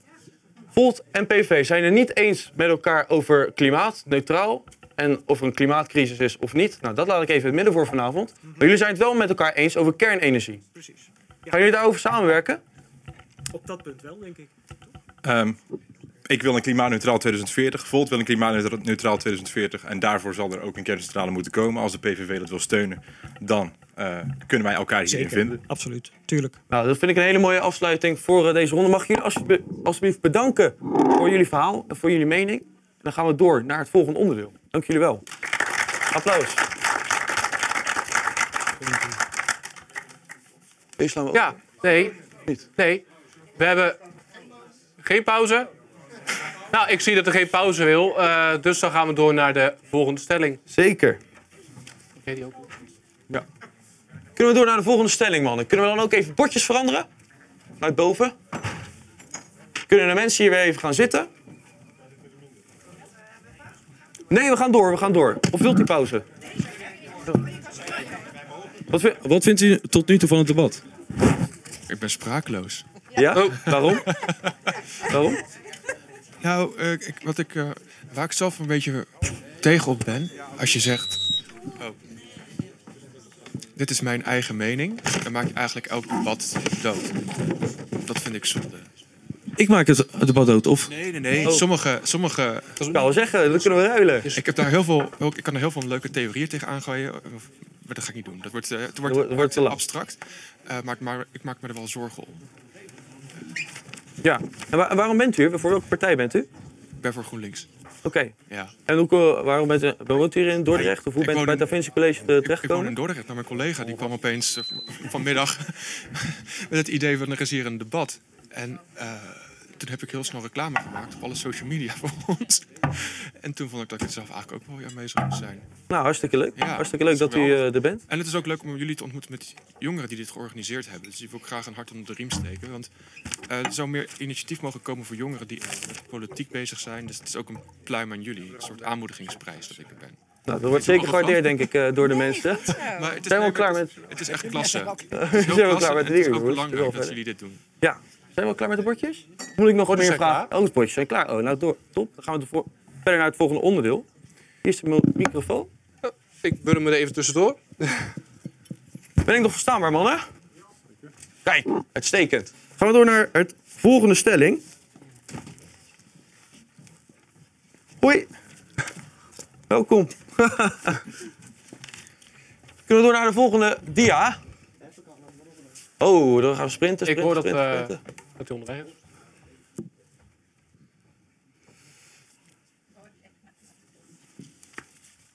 Stelling 3. Met D66, Goud, VVD en SGP. Dank mannen voor jullie aanwezigheid. Herstel, herstel. GroenLinks is in de plaats Gaan we goud. gewisseld? Ja. ja. Uitstekend.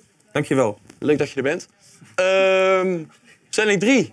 Moet er meer geïnvesteerd worden in het OV of in de aanleg van nieuwe wegen? Wie mag dan als eerste het woord geven? Nee, nee, nee. Kom. Ik ben vandaag kandidaat, hè? Wel in de microfoon praten, mannen, want anders, eh, anders wordt het heel Ja, lastig. zal ik eh, de aftrap te doen? Ja, graag. Ik ben ook kandidaat eh, statenlid eh, voor D66 op een volstrekt onverkiesbare plek eh, nummer 13. Hoe kunnen ze het bedenken? Eh, maar dat betekent nog niet... Blijf hopen, hè. Kom op, Ja, 13. nee, nee, nee, nee 13. daarom zeg ik ook. Op 13 kan je het alleen gaan met eh, ongeveer 3500 voorkeurstemmen. Dus als het Da Vinci collectief eh, meedoet, dan sta ik er ook in. D66 is de onderwijspartij. En voor het onderwijs eh, is het onontbeerlijk dat je met openbaar vervoer eh, naar eh, je in- schoolinstelling eh, gaat. Ik ben ook heel wat jaartjes geleden ook jong geweest, maar een auto had ik toen ook niet ter beschikking. Moest het op fietsje doen. En openbaar vervoer was niet altijd ter beschikking. En helaas is dat probleem, ik ben 66, eh, in al die jaren niet veranderd. Openbaar vervoer moet ter beschikking staan op de plek waar je woont. En wat ons betreft, binnen acht minuten van je woonhuis moet je een plek hebben om op het OVV te komen. En dan niet een OV wat zo eh, eh, vertakt is dat je dan uren aan het reizen bent om vervolgens, eh, terwijl als je met de auto gaat 20 minuten rijdt en anderhalf uur nodig om met eh, de openbaar vervoer ergens te komen, moet fijnmazig zijn en snel en betrouwbaar. En ik begrijp op dit moment de problemen die er zijn met stakingen. Eh, mensen hebben nou eenmaal het recht eh, in ons land gelukkig eh, om voor hun eigen rechten op te komen. Er moet goed betaald eh, worden en de werkomstandigheden van de mensen het openbaar vervoer mogen echt wel een tandje beter dan ze op dit moment eh, zijn. Maar dat is een tijdelijk probleem, dat kunnen we oplossen. Kost geld. En dan kom ik op het pijnpunt. Alles in het openbaar vervoer kost geld. En dat geld wordt opgebracht door ons als bewoners. Het komt niet uit de lucht vallen. En op het moment wat wij vinden, is dat voor het eh, middelbaar onderwijs, zeg maar even rond eh, tot 18 jaar, het ook gratis moet zijn. Volledig gratis, betrouwbaar. En daarmee kom je op de plek waar je wezen eh, wil. Dat kost geld, ja. En dat geld moeten wij dan maar met elkaar ophoesten. Want dat onderwijs kost ook geld. En dat brengen we ook met elkaar op. Dus als ik het even heel kort terugga nog naar de eerste instelling, huisvesting voor, voor eh, studenten. Dat is een taak van ons. Als wij onderwijs willen geven en wij maken ons hard voor het onderwijs, dan zullen we voor OV moeten zorgen, dan zullen we voor huisvesting moeten zorgen, zodat de toekomst, onze generatie die hier nu staat, als ik even naar mij toe kijk, die hebben het inmiddels wel gehad. We hebben onze eh, z- bijdrage gedaan, maar de toekomstige generatie die moet goed gefundeerd worden, goed gemotiveerd worden en goed gefaciliteerd worden. Daar staan we voor en daar wil ik me ongelooflijk hard voor maken. Wat is je boodschap dan naar de jongeren die vandaag... Ik, ik ken iemand die vandaag wilde komen, Nou, maar dat kon niet nee. vanwege de stakingen. Wat is dan de boodschap naar de jongeren die hier zitten te kijken? Eh, ik, ik, die stakingen, die snap ik. Maar ik denk dat dat een... Ja, eh, hoe vervelend voor het moment dan ook, maar dat gaat voorbij. Maar de structuur van de OV die we nu aan het maken zijn... die wordt steeds verder afgebroken... doordat we partijen aan het werk gezet hebben... die zitten uit te nutten of ze op 23 kilometer... drie eh, mensen meer in de bus krijgen... en dan is het goed en bij drie minder stoppen we ermee. Terwijl de inkomsten van de connections van deze wereld slechts 3% komt uit het feitelijke verkopen van het kaartje. De provincie betaalt dat hele systeem, die doet een aanbesteding en die zegt voor dat geld moeten jullie het aan ons gaan leveren. Het verdienmodel zit in het reclame maken op de bussen. Heel, wisten jullie misschien niet, maar de reclame die op de bussen staat, die brengt meer geld op dan het kaartje. Wij moeten ervoor zorgen dat in de aanbesteding wij met de eh, concessiehouders afspreken dat ze van A naar B rijden. En de rit moet er zijn en het, mensen wat, het aantal mensen wat in die bus zit moet eigenlijk helemaal niet bepalend zijn. Nu is dat een verdienmodel, lutje. En daardoor word je erop afgerekend dat Rotterdam eh, en Den Haag perfect openbaar vervoer. Goed gefaciliteerd. Maar wil ik van Goeree over Vlakke naar een onderwijsinstelling in Rotterdam komen, is onmogelijk.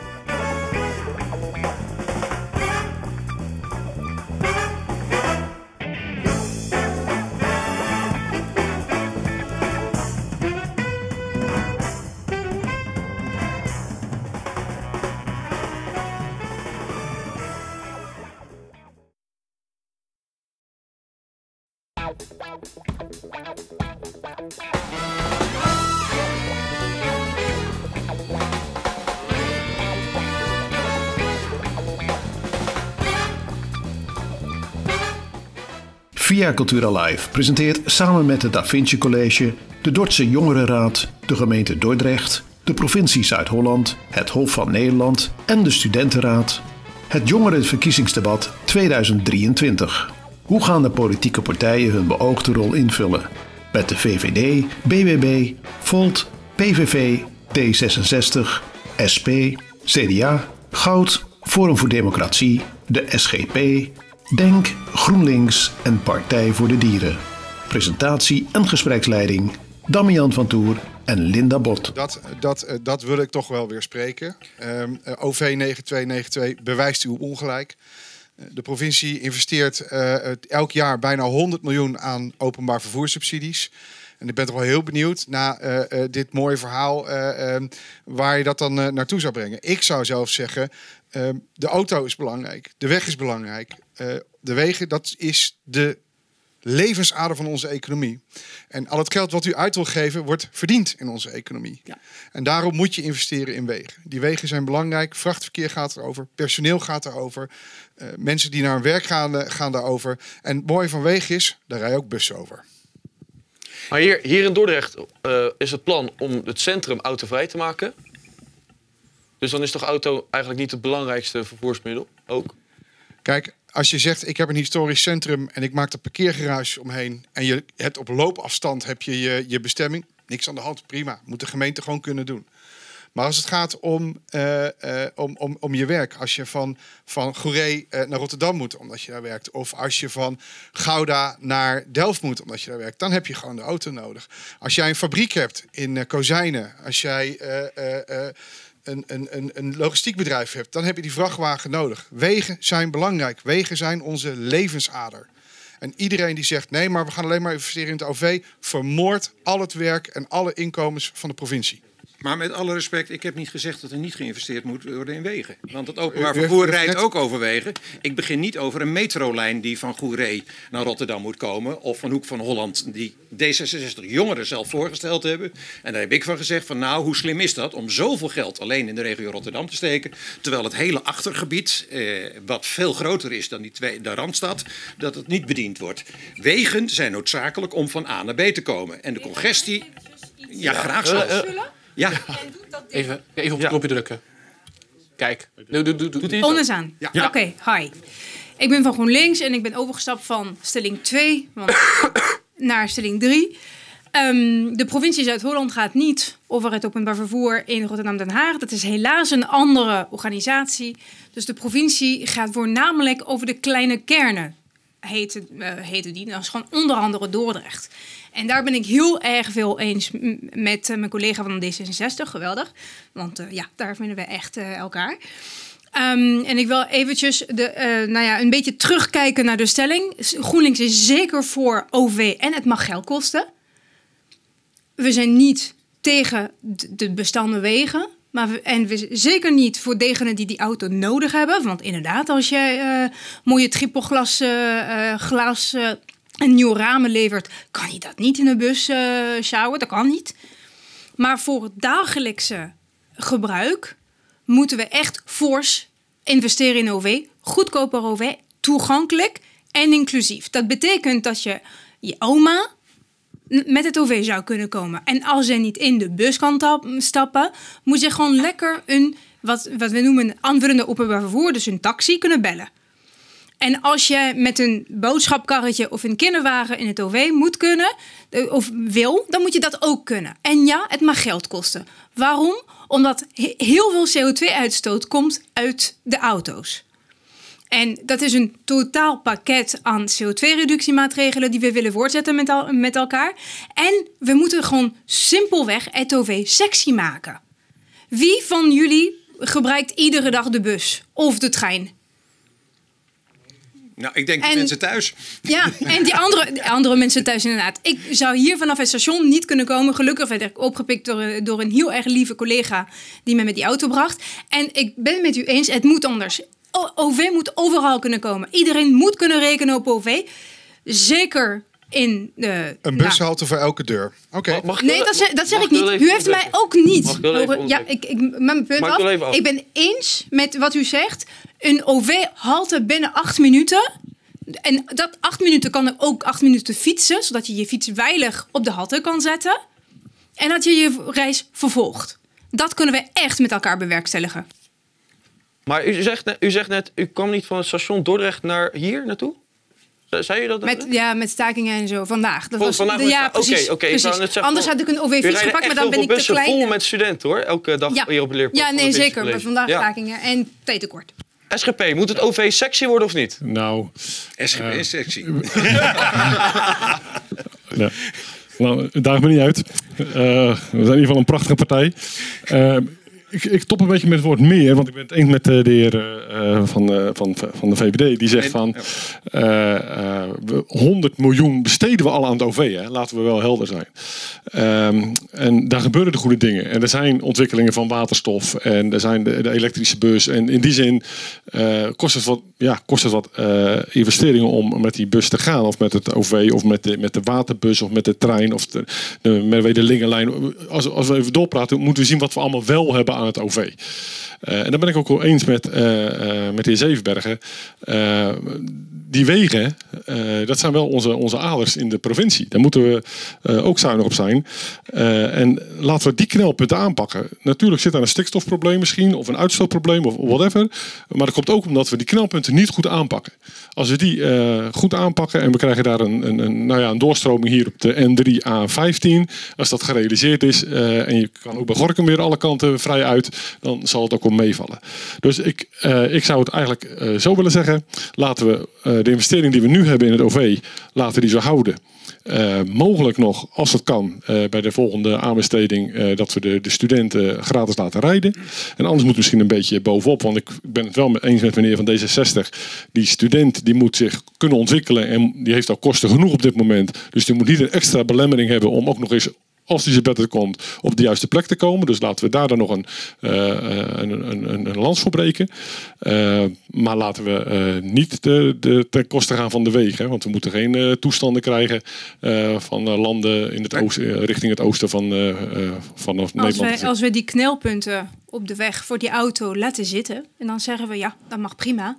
dan kunnen we die andere 100 miljoenen die we niet benoemen voor auto... gewoon lekker insteken in het over en die nog beter maken. Dus het is een maatschappelijke keuze die we moeten maken met elkaar. Kiezen we voor die auto waar overigens de studenten over niet beschikken. En wat je ook ziet is dat het moment van behalen überhaupt van je rijbewijs ste- steeds verder gaat in je leven. En daarom doen we ook... Als je, als, je het, als je het haalt. Heel veel jongeren willen niet in zijn auto. Ze willen gewoon lekker kunnen rekenen op de bus, of de trein of de tram. Ja, maar vergeet niet dat wat we al hebben. Hè. U doet dit alsof we niks hebben. eh, en dat we bij nul staan en zeggen, u pleit nu voor openbaar vervoer. Alsof er geen 100 miljoen per jaar ingaat. Nee, ik zeg, ik wil een keuze maken.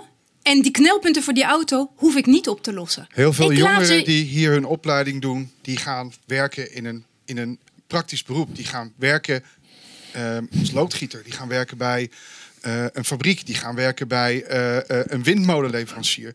Dat zijn mensen die hebben een auto gewoon nodig. Je gaat met je, met je busje rijden naar, naar, naar een windmolenpark om daar service te gaan doen.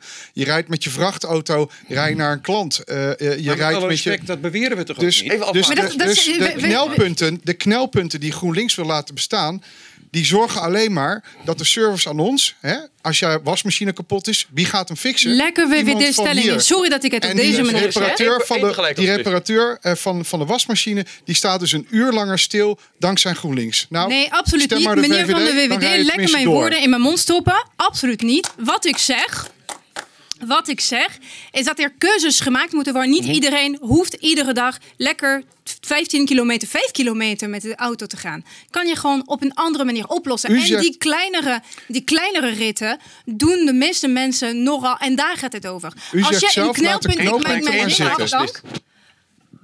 Als je alle die kleine ritten weghaalt, los je de knelpunten op de weg ook op. Omdat je dan lekker met een busje naar, inderdaad, met, na- voor je werk kan rijden. En Maar dat is hebben- ook mevrouw, een U zegt maatschappelijke... net zelf, ik ga de knooppunten niet oplossen. Ik stop dat geld in het OV. Dat betekent dat we dus allemaal stilstaan op de snelweg. Jawel, dat ook- jawel. Coronatijd. Als we doen wat u zegt... Eén tegelijk, alsjeblieft. Mag ik het woord geven aan D66? Ja, corona heeft bewezen dat we voor een heel groot gedeelte thuis kunnen werken. Toen waren er geen knooppunten. Dus het kan wel. Op het moment dat wij de mobiliteit gaan veranderen en zeggen dat je, wat wij zeggen, je woont waar je werkt of je werkt waar je woont. Maar ga dus dichterbij, dan hoef je die afstand niet te overbruggen. Thuiswerken is een bewezen oplossing. En op het moment dat iedereen maar heel ver van zijn werkplek gaat wonen, heb je forense verkeer. Dat verkeer verzorgt voor de congestie. Niet jouw monteur van de wasmachine, want die hebben we nodig. En het vrachtvervoer hebben we nodig. De markt in Nederland moet draaien, want dat is onze economie, waar we allemaal onze boterham verdienen, waar we uiteindelijk de Maar laten we nou de praktijk-. Het lijkt China wel in uw SGP woorden. De arbeider gaat maar wonen bij de Nee. fabriek, want dan hoeft hij niet te reizen. Verschrikkelijk. Nou, misschien moet de directeur eens een keer bij zijn, baas, bij zijn werk gaan wonen. dat is maar- dat is maar één auto. Ja, maar laat de praktijk nou zijn, het, het woord voeren. Als wij, eh, als hier de N3 uitgaat, s ochtends vroeg, sta je al vast. Waarom? De A15 loopt vol. Eh, tot, nou ja, zeg maar vanaf Alblasserdam tot en met eh, Gorkum, zeg maar, is die. eh, en mensen gaan niet uit die auto. Maar waarom, waarom de afgelopen twee jaar wel? Daar- daar die spoor- daar de spoorlijn. degelijk Ja, wel uit die auto. Er zijn, kan er zijn, me- er zijn meerdere momenten in je leven waardoor je een Nou. andere keuze kan maken in je mobiliteitspatroon. Bijvoorbeeld als je een nieuwe baan zoekt, dat kan ook. En ik zeg niet, GroenLinks is niet tegen die auto aan zich. We zijn voor het toegang tot hun auto, maar niet iedereen gelijktijdig tussen 7 en 9 in, de in de ochtendspits in die auto. Ik snap wel wanneer het keihard regent dat je gewoon lekker erop wil aankomen. Dus het moet er gewoon toe, eh, nou ja, mogelijkheden ertoe zijn, onder andere OV. Maar ik ik zeg niet dat ik die auto wil verbieden. Dat zeg ik niet. Dat zijn gewoon andere woorden die me in de mond worden gedaan. Ik zeg wel dat je inderdaad beter thuis kan werken, een beetje spits kan mijden. En als je toch moet reizen, dan kies je ervoor om een. Dan kiezen wij als provincie. En daar mo- moeten we er ook best wel ver in gaan. Nou, om het woord dan nog maar een keer- nou, ook dat erbij we- te leggen, het woord met de wet Als je nou auto. Eén tegelijk, alsjeblieft. Anders valt het thuis echt niet meer te volgen. Laten we het één dat- tegelijk doen, alsjeblieft. Al- Ook aan alle vier. Als u nou een sectieoffensief doet om al die mensen thuis te laten werken, die dan toch eh, naar zijn werk moet eh, eh, via het openbaar vervoer laten gaan, nou, dan die uitdaging geef ik u graag mee. Prima, dan ga ik graag aan. Met meer frequentie, met meer geld. En inderdaad, sorry dat ik het zeg, maar dat betekent ook... Ik kijk de VVD-collega aan. meer belasting op auto. Mag, ik- mag ik een zijstapje maken? Want moeten dan... Ik zie dat er een vraag is uit het publiek. Dus... Heb je een microfoon? Ja, ik wou even vragen of ik de microfoon van de SGP mag lenen. Dat is nieuw dat er vragen gesteld mogen worden. Als iemand een hand opsteekt, dan mag dat zeker. Maken we een uitzondering. Ja, maar nou krijg je... Goedenavond. Ik wil eigenlijk reageren vanuit de student. Want ik zie hier een stelling, moet er ge- meer geïnvesteerd worden. Misschien jullie kun je heel even je achtergrond geven dat je hier, dat je docent bent op Da Vinci College. Ja, ik ben werkzaam bij het Da Vinci College. En vandaar dat ik even wilde reageren. Want ik wil jullie eh, heel veel zeggen over voornamelijk de toekomst van de studenten. Maar onze studenten hebben nu ook een probleem met het OV. Als we dat nu niet oplossen, dan weet ik niet of we straks inderdaad mensen hebben die in de toekomst inderdaad een auto kunnen rijden. Of als dadelijk eh, iedereen een auto geeft, dan is het misschien opgelost. Maar we zitten nu met een probleem. Dus wat gaan jullie doen voor de studenten? Want daar is- vind ik wel belangrijk nu, omdat zij nu degene zijn die jullie ook zien. Hè? Welke oplossing hebben jullie in het kader ook van OV voor de studenten? Want zij moeten ook in Dordrecht, van het ene punt voordat ze naar een school komen, zijn ze bijna een uur onderweg met het OV. Terwijl ze dan ook veel in de regio dan. eh, maar ook hier in Dordrecht ook nog, van het ene wijk naar de andere wijk. Hoe gaan we dat dan oplossen, zodat onze studenten op tijd hier kunnen zijn? eh, dat zij hier dan verder hun opleiding kunnen afmaken. En inderdaad straks hopelijk met die auto, die ze hopelijk van de baas krijgen, aan de slag kunnen. Voor de arbeidsmarkt, voor ons hier. Mag, mag ik daar als eerste op reageren? Waarom?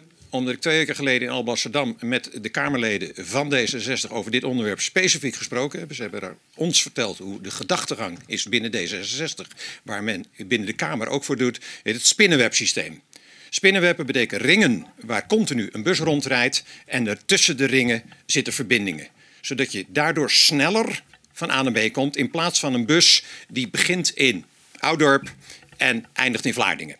Nee, ringen waar je continu op kan springen en je hebt tussen de ringen verbindingen. Dat is, de spin heeft dat uitgevonden als snelste vervoer. Het is niet mijn tekst, ik heb hem ook maar te horen gekregen. Maar ik vond hem eh, voor mij heel begrijpelijk van ja, ringen laten rijden en je kan hoppen van het ene en doen. betekent dat je ook hoppen kan van een stuk bus, buurtbus, belbus, naar een hoofdverbinding. En die hoofdverbinding sluit weer aan op eh, rail, kan ook metro's eh, zijn. Maar uiteindelijk is de bedoeling de reistijd gegarandeerd te maken en korter te maken.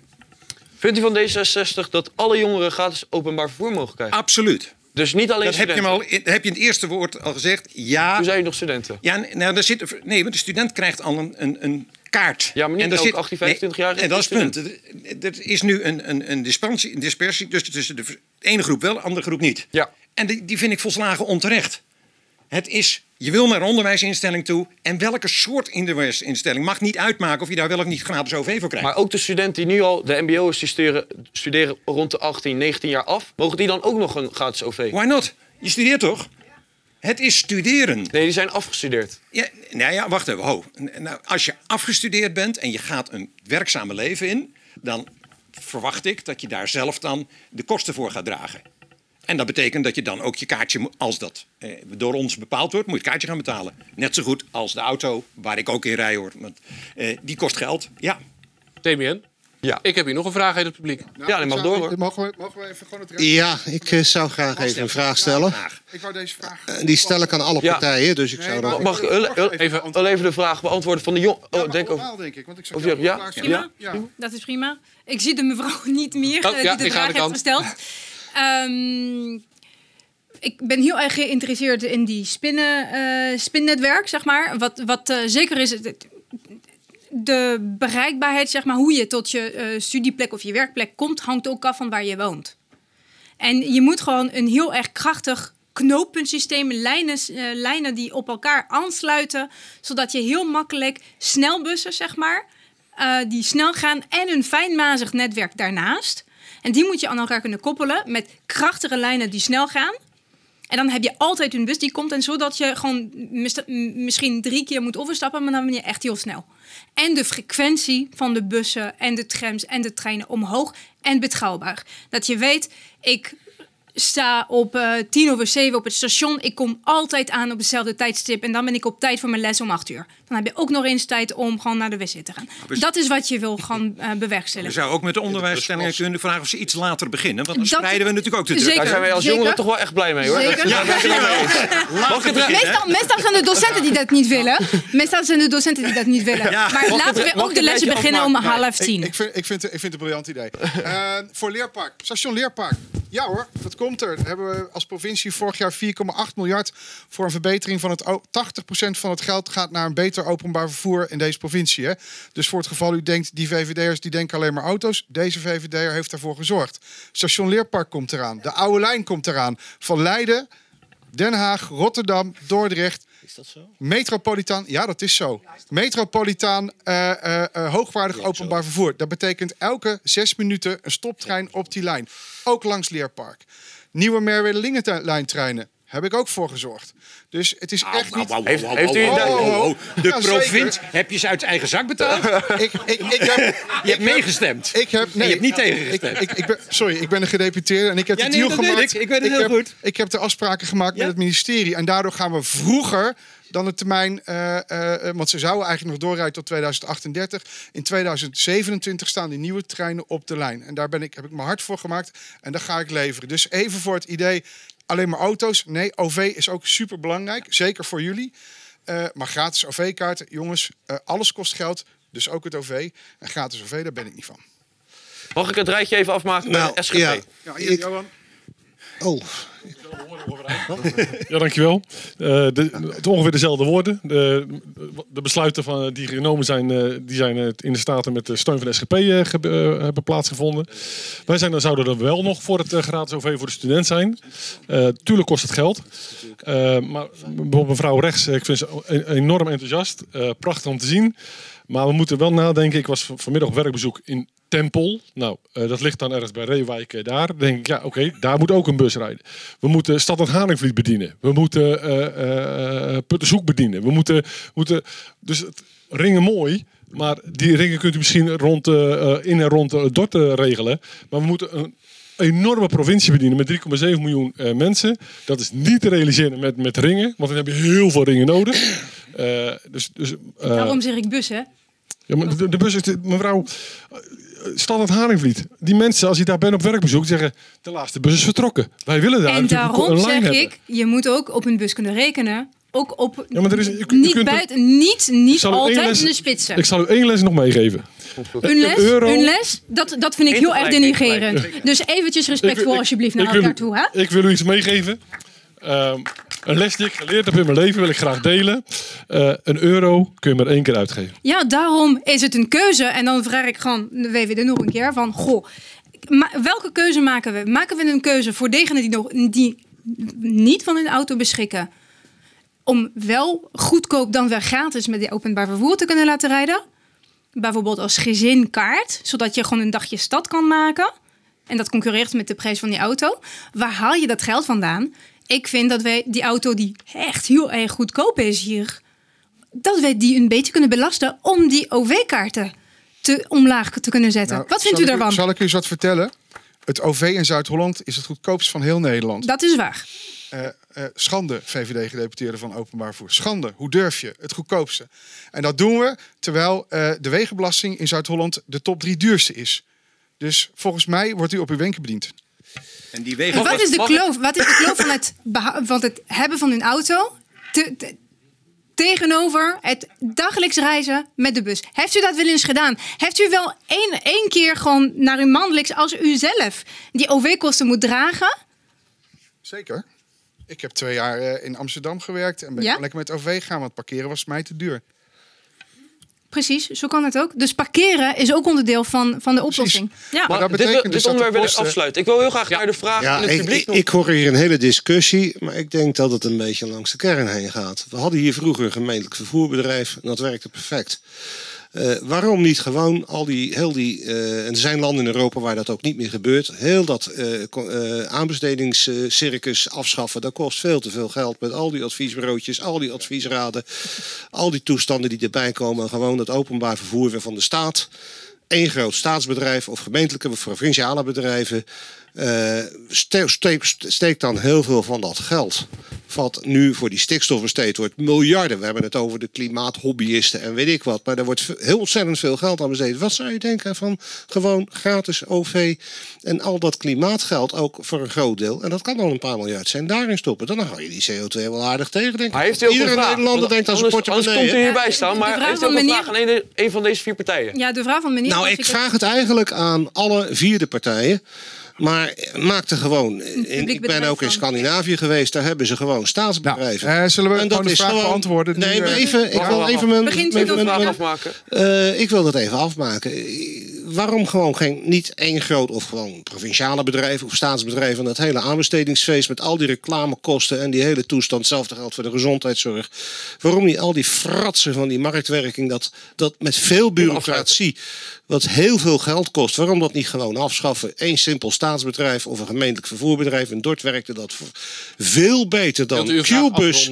Nou, wat ik ook zie is als er dan weer een nieuwe concessiehouder komt, dan heb je altijd aanloopproblemen Jongens, en eh, gaat het ik niet goed. het mooi geweest. Ik, eh, ik dus stop ermee. het, het, het hapert op de kwaliteit. Mag Dan heb ik nog één punt terug? over die. Ja, dan geef ik de.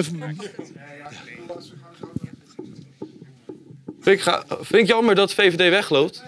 Maar de GroenLinks... Maar dan moet, je, dan moet je ook even eerlijk zijn. De vraag was... Als Dan moet, je, dan in moet je ook even eerlijk zijn. En bedoel, als SP mee wil doen aan het debat, dan moet je hier Ja. komen staan. En niet vanaf de tribune het debat voeren. Wilt u erop reageren? Want laten we Ja, ja ik, wil er zeker, ik, wil er zeker op, ik wil er zeker op reageren. Eh, eh, er is een reden dat we die staatsbedrijven hebben afge- afgeschaft. Die, die, die, die eh, vervoersbedrijven, omdat het vergaand inefficiënt was. Het was eh, eh, u, u zegt ja, dan hou je miljarden over. Nou, het kost alleen maar miljarden meer.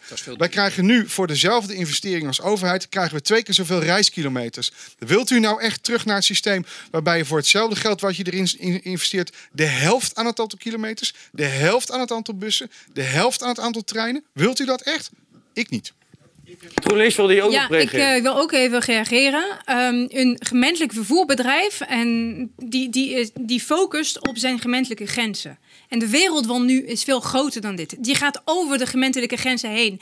Wie van jullie blijft de hele dag in Dordrecht? Niet. Jullie gaan gewoon lekker op pad Rotterdam, Den Haag, verder. Waar werkt u? Waar recreëert u? Waar gaat u op bezoek bij vrienden of familie? Dus een gemeentelijk vervoerbedrijf is gewoon te klein. Dat hebben we gewoon sowieso opgeschaald. Dus op gemeentelijk niveau kan het niet meer. Redelijk eens met collega van VVD. Ehm, een efficiëntie kan meer betekenen van de reiziger, voor de reizigers. Dus als je een goede, goede deal maakt met een bepaald bedrijf, als je een goede aanbesteding laat lopen en niet voor vijf jaar, maar voor 15, 20 jaar met relatief kleine marges. Een, een OV-bedrijf kan gewoon 1, 2, 3 procent max marge uithalen. En dat is zat. Dan kunnen wij de reiziger heel goed bedienen. Dus jullie, dus de studenten, dus iedereen die gewoon van A naar B wil. En dan hoeven we het niet gewoon zelf in de handen te hebben. Ik ben wel met u eens. Ik zit met uw bureaus echt zelf veel meer controleren. Zelf meer direct met eigen kennis in huis. Dat hebben we wegbezuinigd. Dat moet terug. Dat wel absoluut eens. Maar politiek zijn wij gewend om dan voorzitter te zeggen. Dat doe ik bij deze. Inderdaad. Maar ik wil- nee, helaas. Nee, ik wil echt de ja, laatste ik- vraag even dat- stellen ja, Ik denk dat die heel interessant is. Nee, het openbaar vervoer moet sexy willen Maar zal ik Je moet het vragen? Ik willen ben hier- gebruiken. Klopt. Maar ik wil nog wel even doorraken. Want uiteindelijk zijn we hier voor jongeren. En je had het net over, eh, eh, wij blijven niet de hele dag in Dordrecht. Zijn jullie ook voorstander van openbaar vervoer s'nachts? Om daarop in te zetten? Absoluut. Als je op stap gaat, heb ik liever dat je de bus pakt dan dat je je auto bezopen rijdt. Absoluut. Als je in de haven werkt om drie uur 's ochtends, als je in Dordrecht wil, moet je daar kunnen komen. En die doelgroepen zijn dezelfde. Iedereen moet zich kunnen verplaatsen. Niet met dezelfde frequentie, dan moet je langer op je bus wachten. Absoluut. Bent u het daarmee eens, of niet? Ja, het is een basisvoorziening. En de basisvoorziening moet 24 uur per dag, 7 dagen in de week ter beschikking eh, zijn. En klopt, je mag in de frequentie dan wel wat zoeken. Dat snap ik. Maar dat zou je kunnen aanpassen aan eh, aanvangen van werktijden of aanvangen van in schoolinstituten. Maar je, je kijkt naar waar er op het moment behoefte is. Maar dan moet er wel een vervulling zijn. De, de bus die hier in de regio eh, richting Alblasserwaard mee gestopt is. eh, zeg maar even de partybus eh, vanuit Rotterdam. Ja, eh, als ik het vraag aan de jongeren in Alblasserwaard, dan willen ze hem vandaag nog terug. Want daardoor kunnen ze uitgaan in het stedelijk gebied. Wat een iets is eh, dankzij. Oh, jongens. partijen aan deze Jongens, nog één minuut. Even In volhouden. Alblasserwaard Ja, kan je ja, niet ja. uit. En nog even, eh, nog de willen mensen thuis, ik weet niet in welke Ik camera ik kijken. nou Deze de Die markt. linkse, linkse. Ehm, Links, ehm, ja, ehm, die. eh, 24 uur bussen, Mensen thuis, 24 uur bedankt voor het kijken. En Eh, eh, de misschien tot de volgende keer eh, in- in- bij een nieuw uh, jongerendebat op het ROC de Vinci Alblasse College. Waard. Die Tot zijn de volgende hartstikke keer. vol in de spits. Dank jullie wel. Daarom gaan ze ook extra scholierenlijnen rijden. En zo gauw de spits voorbij is, zijn ze leeg. Eh, eh, dan heb je een gemiddelde bezetting van 0,8 persoon per bus.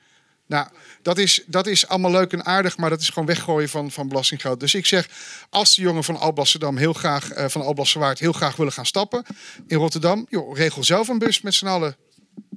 Ik ik, inderdaad richting de afsluiting. Wil de SGP hier nog op reageren als allerlaatste partij? Ik, ik ben het opnieuw eens, want eh, je kan een euro maar één keer uitgeven. Ik hoor net allerlei wensen voor overdag. Ik hoor eh, creëren van cirkels en ik hoor eh, die student die eh, deze kant op moet komen. Inderdaad, als hij s'nachts kiest om uit te gaan in de stad, moet hij ook de gevolgen aanvaarden van die keuze. En dat is ook gewoon zijn eigen bus betalen. Is het niet omdat Maar ze überhaupt ik- geen nee. woning kunnen vinden Mag in ik de hier de baas zijn, alstublieft? Want anders kunt u net zo goed eh, hetzelfde debat eh, organiseren. Wij bepalen hier de vragen en wij bepalen wat er wordt besproken. Dat zijn we niet gewend. We willen het hier afronden. En hartstikke bedankt voor de tijd. Je mag terug naar je plaats. Gaan we volgens mij naar de afsluiting, hè? Ja. Of wilde jij ook weg? eh, wil jij, er, jij wil er ook mee stoppen? Of niet? Ja, ik vind het eigenlijk Ja, ook wel mooi geweest. precies. We hebben drie mooie debatten gehad. En ik wil eigenlijk overgaan tot de afsluiting van de avond. Moeten we nog mensen bedanken? Ja, daar was ik mee bezig. Oké, nee, dan, eh, Alleen ik dat even mijn oortje uitdoen. Nou ja, met het laatste debat eh, zijn we tot het einde gekomen aan deze mooie avond. Waarbij we alle partijen, tenminste bijna alle partijen, eh, het woord hebben kunnen geven. En wil ik graag het Da Vinci College bedanken voor het ja, ter beschikking stellen van deze ruimte. Alle partijen bedanken voor het aanwezig zijn vanavond. Via Cultura voor het uitzenden. En eh, uiteraard ook de studentenraad van het Da Vinci College voor eh, ja, de helpende handjes. En het geld uiteraard. Ik bovenin. En, en last but not least, Damien van Toer, die vanavond aanwezig wilde zijn als oud-student van het Da Vinci College. En onze organisator Evander. bijvoorbeeld zou kunnen oplossen? Door meer mensen zoals jou in te schakelen? Of... Ja, waar ik net al eventjes eh, zei, dat is inderdaad om het laagdrempelig te maken, ook voor mensen om zich eh, te scholen in dit. Ehm, en ook gewoon om eh, het onderwerp überhaupt in de basis al serieus te nemen. Dus om, nu zijn er gelukkig cijfers, maar dat is natuurlijk altijd achteraf. Dus ik hoop nu dat de overheid daar ook van leert en dan nu ook hard in gaat zetten op oké, het is echt eigenlijk net zoals de gezondheidszorg voor lichamelijke klachten, mentaal ook gewoon ondersteund moeten worden. En dat dat niet meer een uitzondering is, maar dat dat standaard wordt meegenomen. En dat dat verzekerd wordt en dat het ook in je basispakket Mhm. zit. En inderdaad ook dat mensen zoals ik, ehm toegepaspsychologen, daar ook gebruik van kunnen maken. Waardoor het weer laagdrempelig wordt voor mensen om naar mij te komen. Mhm. Omdat ze het vergoed krijgen. Ja. Ja, wat ik ook vaak merk is dat jongeren vaak niet naar een psycholoog gaan of mentale hulp zoeken, omdat het inderdaad gewoon erg duur is. Gewoon, het kost gewoon geld. Ja. En ja, wat vind je ervan, of wat vind jij ervan, Luca, dat zoiets niet in je bijvoorbeeld basispakket zit of dat zoiets niet verzekerd wordt, dat je moet betalen voor je mentale gezondheid? Ja, dat, dat is gewoon heel erg lastig. Want Ja, eh, zo'n basisbehoefte dat je daarvoor moet betalen, Mhm. dat eh, moet eigenlijk niet meer kunnen, vind ik. Nee. En dan zou ik inderdaad zeggen dat dat een vergoeding in je basispakket zou moeten zitten. En daar hoef je niet extra voor te betalen. Maar dat moet gewoon vanuit de overheid komen. Mhm. En dat, dat vind ik inderdaad een beetje jammer. Ja, ik hoor het. En wat vind jij ervan, Evander? Dat eh, hulp zeg maar niet in het basispakket zit. Ja, dat je moet betalen voor je mentale gezondheid. Ja, aan de ene kant eh, kan ik dat niet begrijpen. Want ehm, ja, het, het, is, het gebeurt in principe steeds vaker. Ook als je kijkt naar de cijfers die eh, ehm, ja, beschikbaar zijn. ehm, dat, dat ja, jongeren, maar ook eh, oudere mensen eh, steeds meer mentale hulp nodig hebben. Dus ja, ik zou bij mezelf zeggen van als ik daar zou zitten van joh, gooi het lekker in het, in het basispakket. Mhm. Want ja, het is gewoon nodig. Ja, maar aan de andere kant kan ik bijvoorbeeld een overheid ook alweer begrijpen van ja, waar halen ze het geld vandaan? Waar moet, want dan moet het weer ergens anders vandaan komen. Mhm. En ja, het, het- het is allemaal een beetje ingewikkeld. Mhm. Maar hoe vrij ben je nou eigenlijk als jij mentaal niet vrij bent? Dat is, dat is toch lastig? Ja, zeker. In, in feite ben je dan in principe niet vrij. Nee, hè? Want je, je, hebt, eh, ja, je hebt de rugtassen bij je. Ja. En daar zitten dan, eh, om het zo maar even te noemen, problemen in. Mhm. En ehm, ja, een eh, psycholoog in bijvoorbeeld een, eh, in jouw geval, die zou daarbij kunnen helpen. Mhm. Om dat eh, rugzakje of het zij kleiner te maken of weg te halen. Mhm. En ja, dat kost uiteindelijk voor een eh, cliënt kost het heel veel geld. Ja. Ja, dat is heel jammer. En op basis daarvan heb ik een kleine spoken word geschreven hiervoor.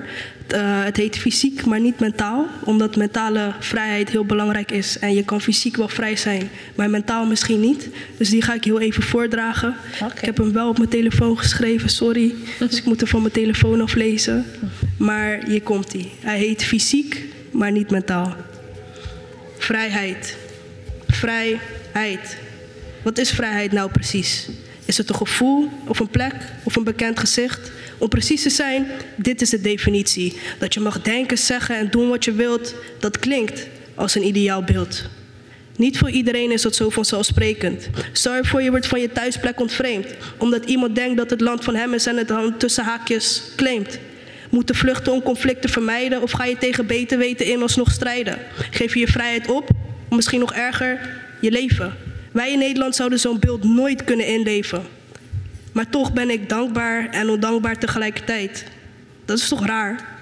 Ik ben vrij, ik leef in een hartstikke vrij land. Hoezo voelt dat dan zo zwaar? Vrij. Hm. Dat is waar, dat ben ik. Maar wie de ben ik? Het is veilig, dat erken ik. Maar waar vind ik herkenning? Of zomaar een plaats, of pas bij de eindbestemming? Alleen ik heb invloed op mijn bestemming. Maar ik ben niet op mijn plek en ik heb geen trek in ontdekking. Welke stappen moet ik zetten? Dit is niet de juiste setting. Ik zet me in om die gedachten van me af te zetten. Ik stop niet. Het is geen optie om het af te leggen. Twijfel, maar ik zal het uitcijferen. Ik ben geen nul. Ik ben vrij, maar stak in mijn mind. Ik reken erop dat ik mezelf keihard tegenkom. Toch zou ik soms het liefst een tijd verdwijnen als het even kon. Mijn wangen hebben meer druppels gevangen dan een regenton. Het innerlijk conflict is een uitzonderlijke trip. Altijd op zoek naar woorden, alsof ik mijn tong heb ingeslikt. Een onverantwoorde verantwoordelijkheid voor iemand die nog moet zoeken naar zijn eigen identiteit. Eigenlijk is het pijnlijkste dat ik me niet vrij genoeg voelde om vrij uit te twijfelen. Ik maak het oogschijnlijke zijn een rustgevend refrein om te verbergen dat het anders zijn me zo teisterde. Ik wilde namelijk voor de verandering even anders dan anders zijn. Dat was hem. Mooi. Ja, weer mooi gesproken. Net eh, net zoals gisteren. Ehm, inleidend richting het tweede onderwerp, zelfexpressie, heb ik weer een eh, kort stukje. Ja. Ehm, in Nederland komen steeds meer mensen die niet. En, niet iedereen is hetzelfde. De een heeft autisme en de ander vindt het leuk om een cosplay te doen. Graag gaan we hier, eh, gaan we hier in Nederland ook eh, tolerant mee om en accepteren wij deze mensen ook. Ervaren deze mensen dat zelf ook, dat ze anders zijn en geaccepteerd worden. En daarom, eh, om daar antwoord op te krijgen, gaan we in gesprek met, met dezelfde tafelgasten. En eh, geef ik vervolgens weer het woord aan, eh, aan Sima. Ja, want we hebben namelijk een hele leuke jongen aan tafel. Ik ken hem al, maar zijn naam is Pascal. maar wie is Pascal nou eigenlijk? Nou ja, ik eh, ben ingeboren in Dordrecht voor best, en ik leef hier nog steeds al mijn jaren. Mhm. Ik heb op mijn tiende achtergekomen dat ik ADHD heb ge- en dat heb ik gewoon, gediagnosticeerd. Mhm. En ben vijf jaar later ook voor autisme gediagnosticeerd.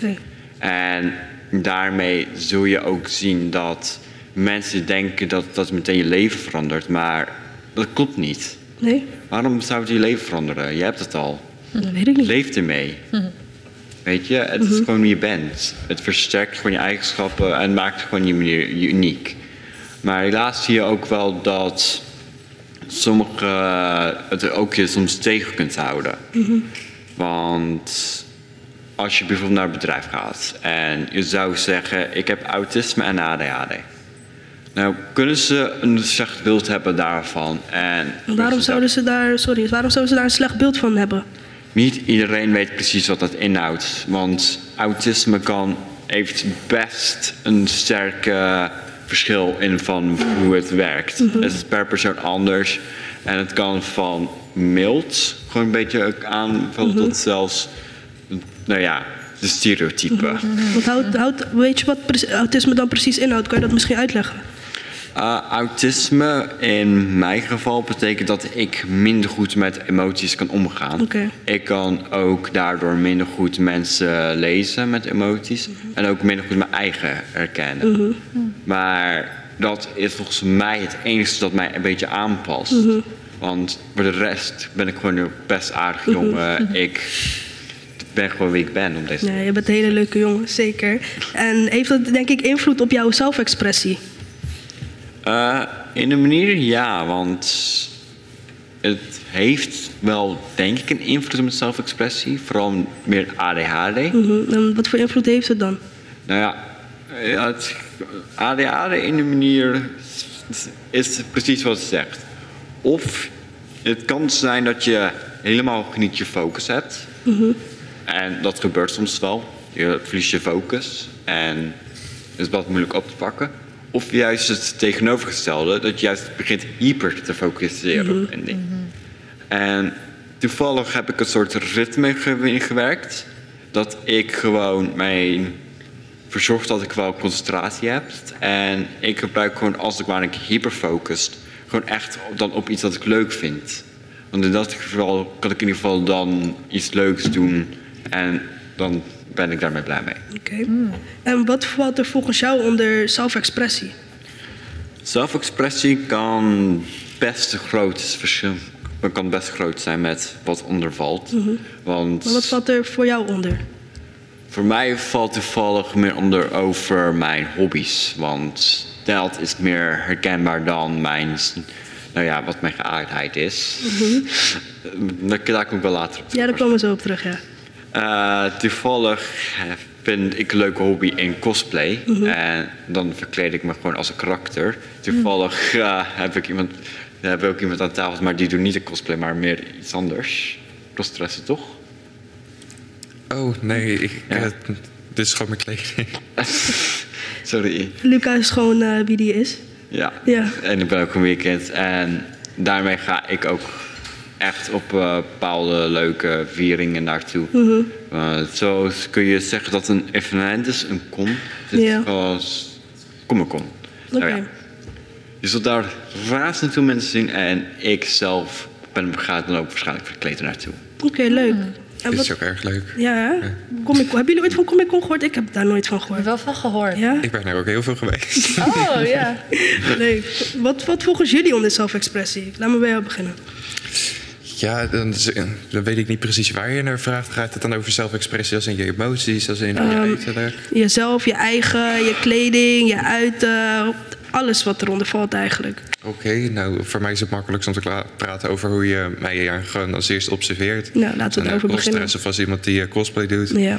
Ja, dat is wat de eerste mensen natuurlijk zien, maar eh, Mhm. dit is gewoon mijn zelfexpressie van hoe ik me voel. Mhm. Dus vandaag voel ik me best wel eh, gezellig. Leuk. Je ziet er ook heel gezellig uit. Jullie allebei trouwens. Ja, dat hebben we goed gedaan. Ja, hè? jullie dachten van laten we voor pastelkleuren gaan, of niet? Ja, ja, ja. Leuk. dat de twee eh, toegepast psychologisch die doen dit wel aan. Ja. Nee, dus ik denk dat zelfexpressie is eigenlijk iets heel erg persoonlijks. Bijvoorbeeld dat iemand een eh, blauw t-shirt aantrekt en dan zegt hij in de ochtend van... Nou, dit is eh, hoe ik me voel vandaag, Ja. dit, dit doe ik. En ehm, dat is wat je eigenlijk uitzoekt naar de wereld. En zo kan je ook precies het tegenovergestelde doen. Dat je zegt van, oh, ik wil niet dat mensen weten hoe ik me voel, of hoe ik Mhm. eruit zie. Dan ga je wat ge- meer geblended in eh, je kleding Hmm. zitten of meer neutrale dingen Mhm, aantrekken. Zoals ik, denk ik. Of... Nee, niet zoals jij. Nee? maar eh, dat is een soort van net als je ge- gevoel uit. eh, zo, wat wil ik zeggen? Je gevoel uit? Ja, gewoon Ja. je gevoel uit. Dat is eh, dat, inderdaad. Ik ben. Eh, het is een soort van verschil tussen extraverte personen, die zie je heel duidelijk op straat. En eh, soms heb je net een introverte persoon die eh, Die niet zo opvalt op straat. niet zo heel erg opvalt. Ja. Oké, nice. Hoe kijk jij tegen zelfexpressie aan, Jamie?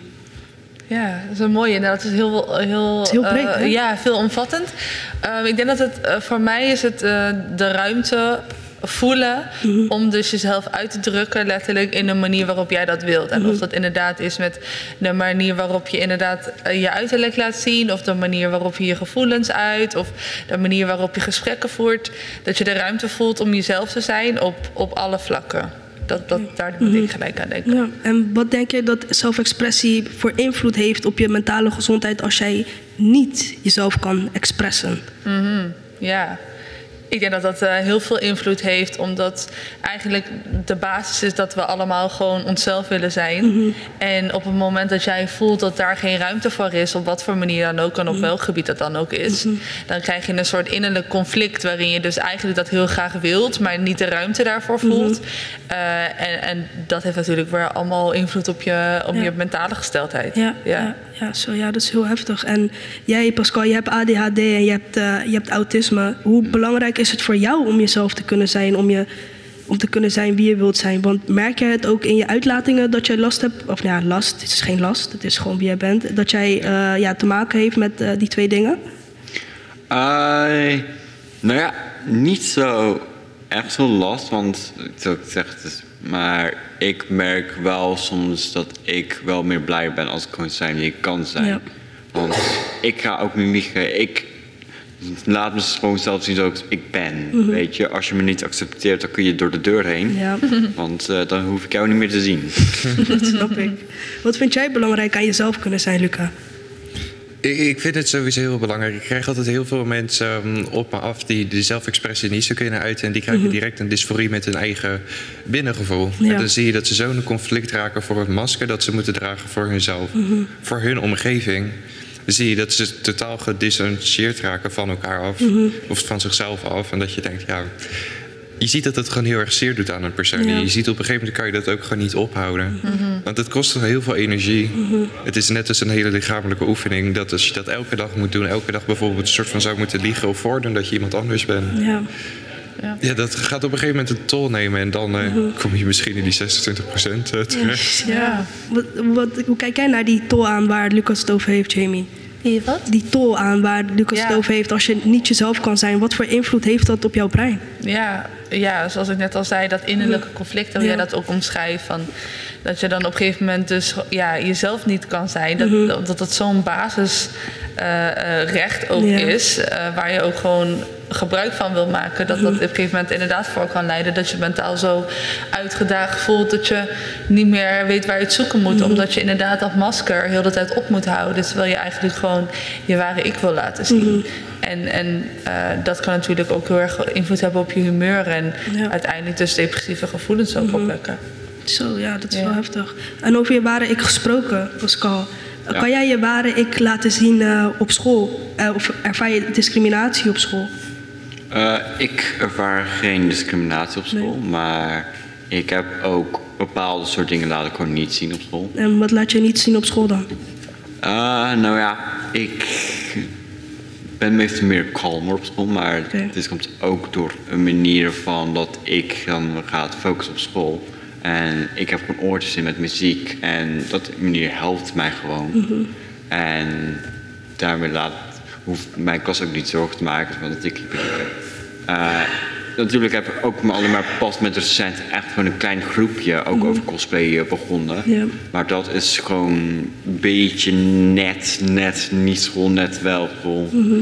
Want het is net in een grijze area dat wel door de leerlingen van school zijn gemaakt. En we spreken ook af in de locatie van school, maar school heeft daar geen echt invloed op. Oké.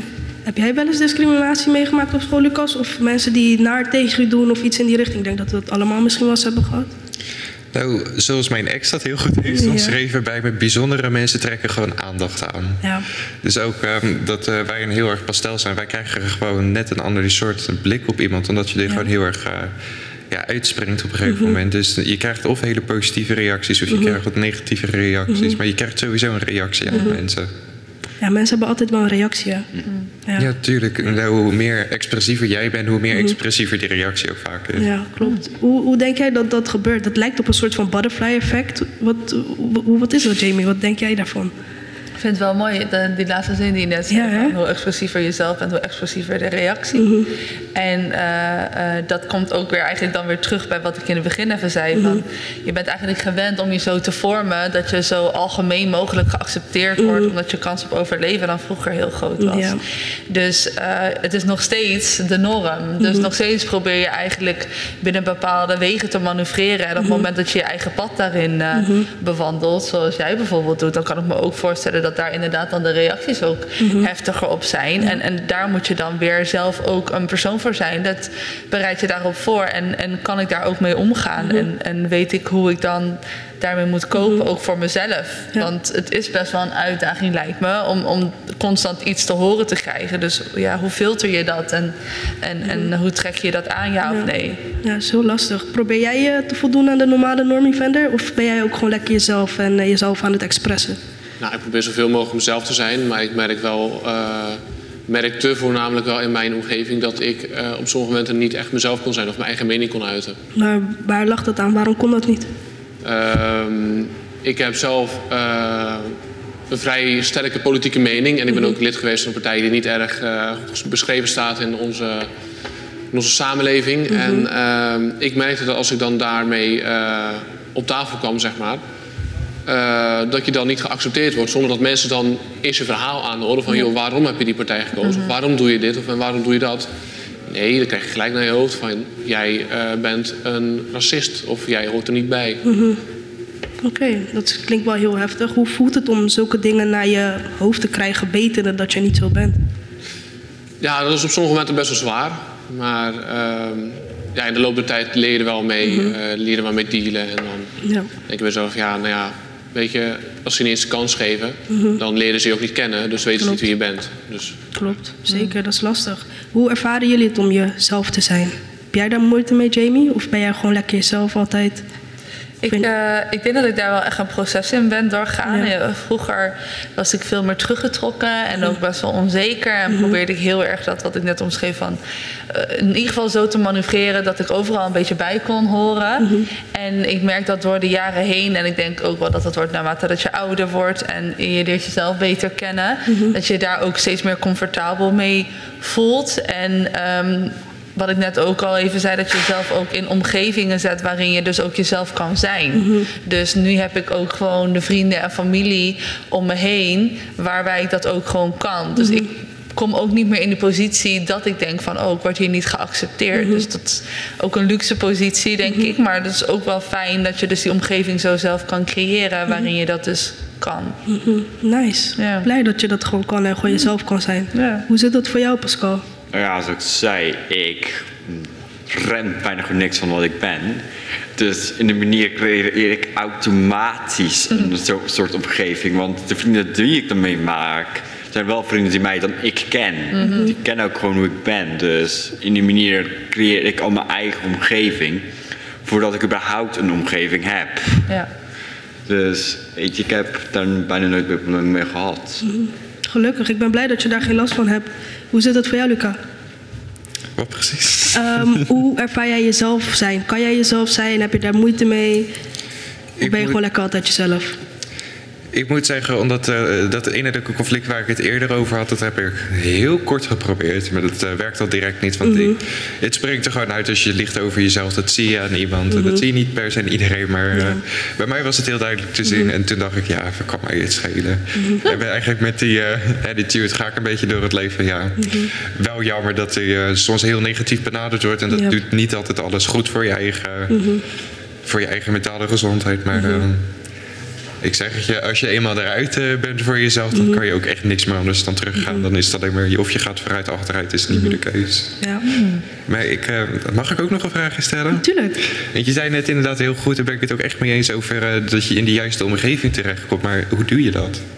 Hmm, ja, dat is mooi. Dat is een hele goeie. Ik denk dat ehm, een basis is om dus eerst heel goed op jezelf te reflecteren. En dus inderdaad te kijken van, ja, wie ben ik eigenlijk en waar sta ik voor en wat vind ik belangrijk in een relatie, of vrienden, familie, wat voor manier dan ook.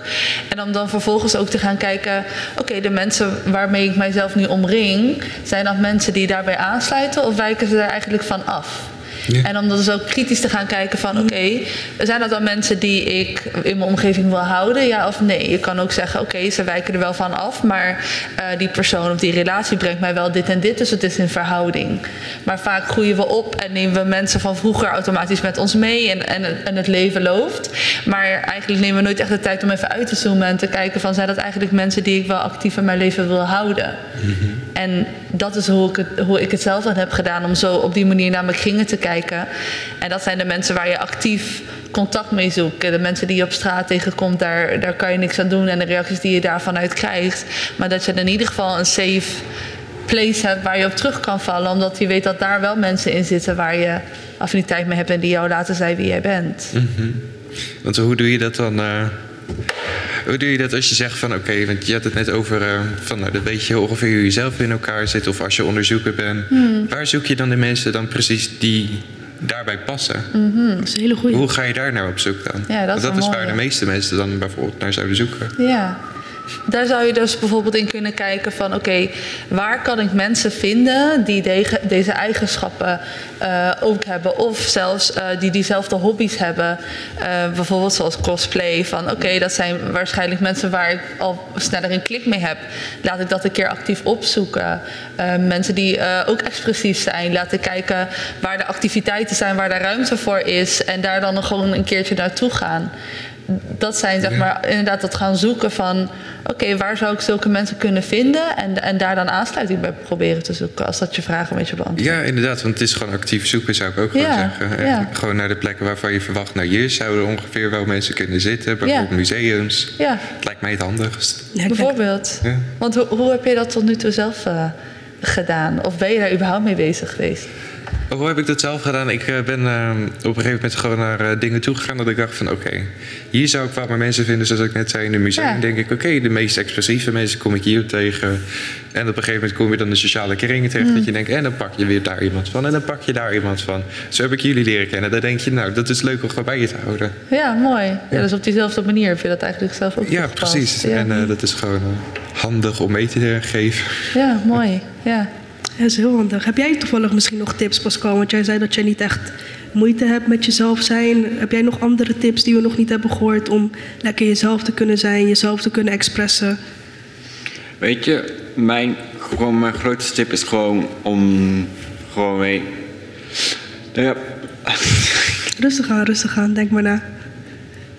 mijn grootste tip is gewoon om gewoon niet de mensen die juist zo vervelend zijn, juist niet aan te merken. Want zij hebben gewoon geen invloed. Zij mogen er gewoon niet zeggen over wat je bent, wat je doet. En ik laat me zo. Ik boei ook helemaal niet wat die mensen zeggen. hoor. Dat ik zeg, in die manier helpt mij, dat is juist het. Want ik heb geen buffer van een schild of zo van wie ik ben. Mhm. Maar ik ben ook niet de domste thuis. Want als iemand juist bij mij misbruik probeert te maken, nou, dat merk ik echt wel. En dan eh, kun je ook. eh zie je meer op mij ook weer terug. Ja, op wat voor manier hebben mensen wel eens misbruik van jou willen maken dan? Eh, in een manier ben ik een best aardig persoon. Ik geef ook veel kansen aan mensen en ik help ook graag uit. Maar ik weet wel wanneer ik limiet moet zeggen. Mhm. En ik zeg ook gewoon gerust, ja, je kan wel verbeteren, maar je moet ook zelf die stappen zetten. Want ik kan niet alles voor je doen. Dus in een manier help ik ze wel, maar meer niet in een actieve manier, maar in een passieve manier. Dat ze zelf wel die eh, verbetering proberen uit te zoeken. Oké, nice. Dank je. Vender, heb jij toevallig misschien nog tips? Eh, ja, zoek, zoek mensen die, eh, waar jij je prettig bij voelt inderdaad. Eh, word daar vrienden mee, doe daar leuke dingen mee.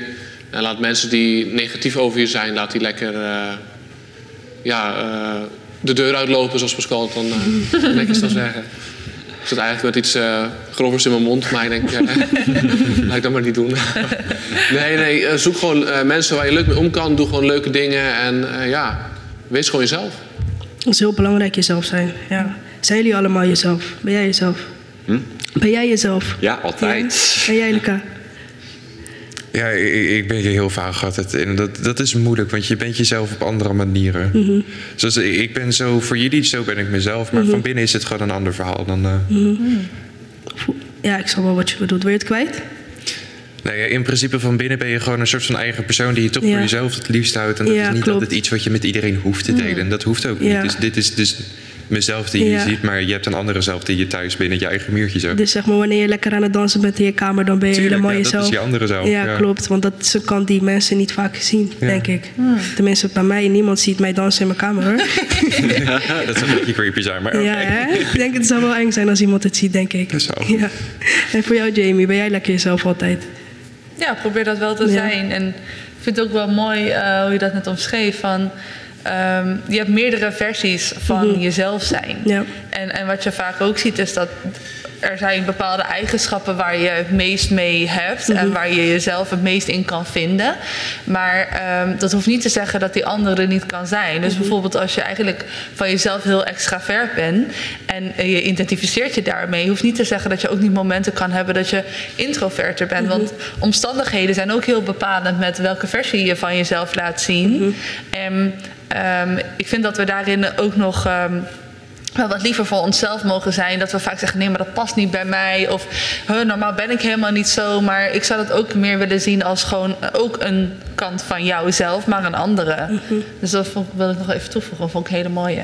Dat was ook zeker een mooie. Ja. Ja, ik wil jullie allemaal bedanken dat jullie hier zijn gekomen. Ik denk dat we het even gaan afronden. Wil jij het afronden of zal ik het doen? Ik, eh, ik rond hem graag. Ja? Eh, nou ja, ook eh, vanuit mijn kant eh, bedankt dat jullie hier waren. En ik wil ook nog wat andere mensen bedanken. Zeker ook de, de organisatie van Via Cultura. Het team waarmee we deze ja, talkshow hebben opgezet. En ja, ook Sietse Christen zit daar boven op de trap. Maar Mhm. ook voor jou bedankt dat we deze mogelijkheid hebben gekregen vanuit, vanuit Da Vinci. En ja, ik denk, dat, ik denk dat het een was voor vandaag. Misschien tot de volgende keer. En fijne dag mensen. Doei. Fijne dag.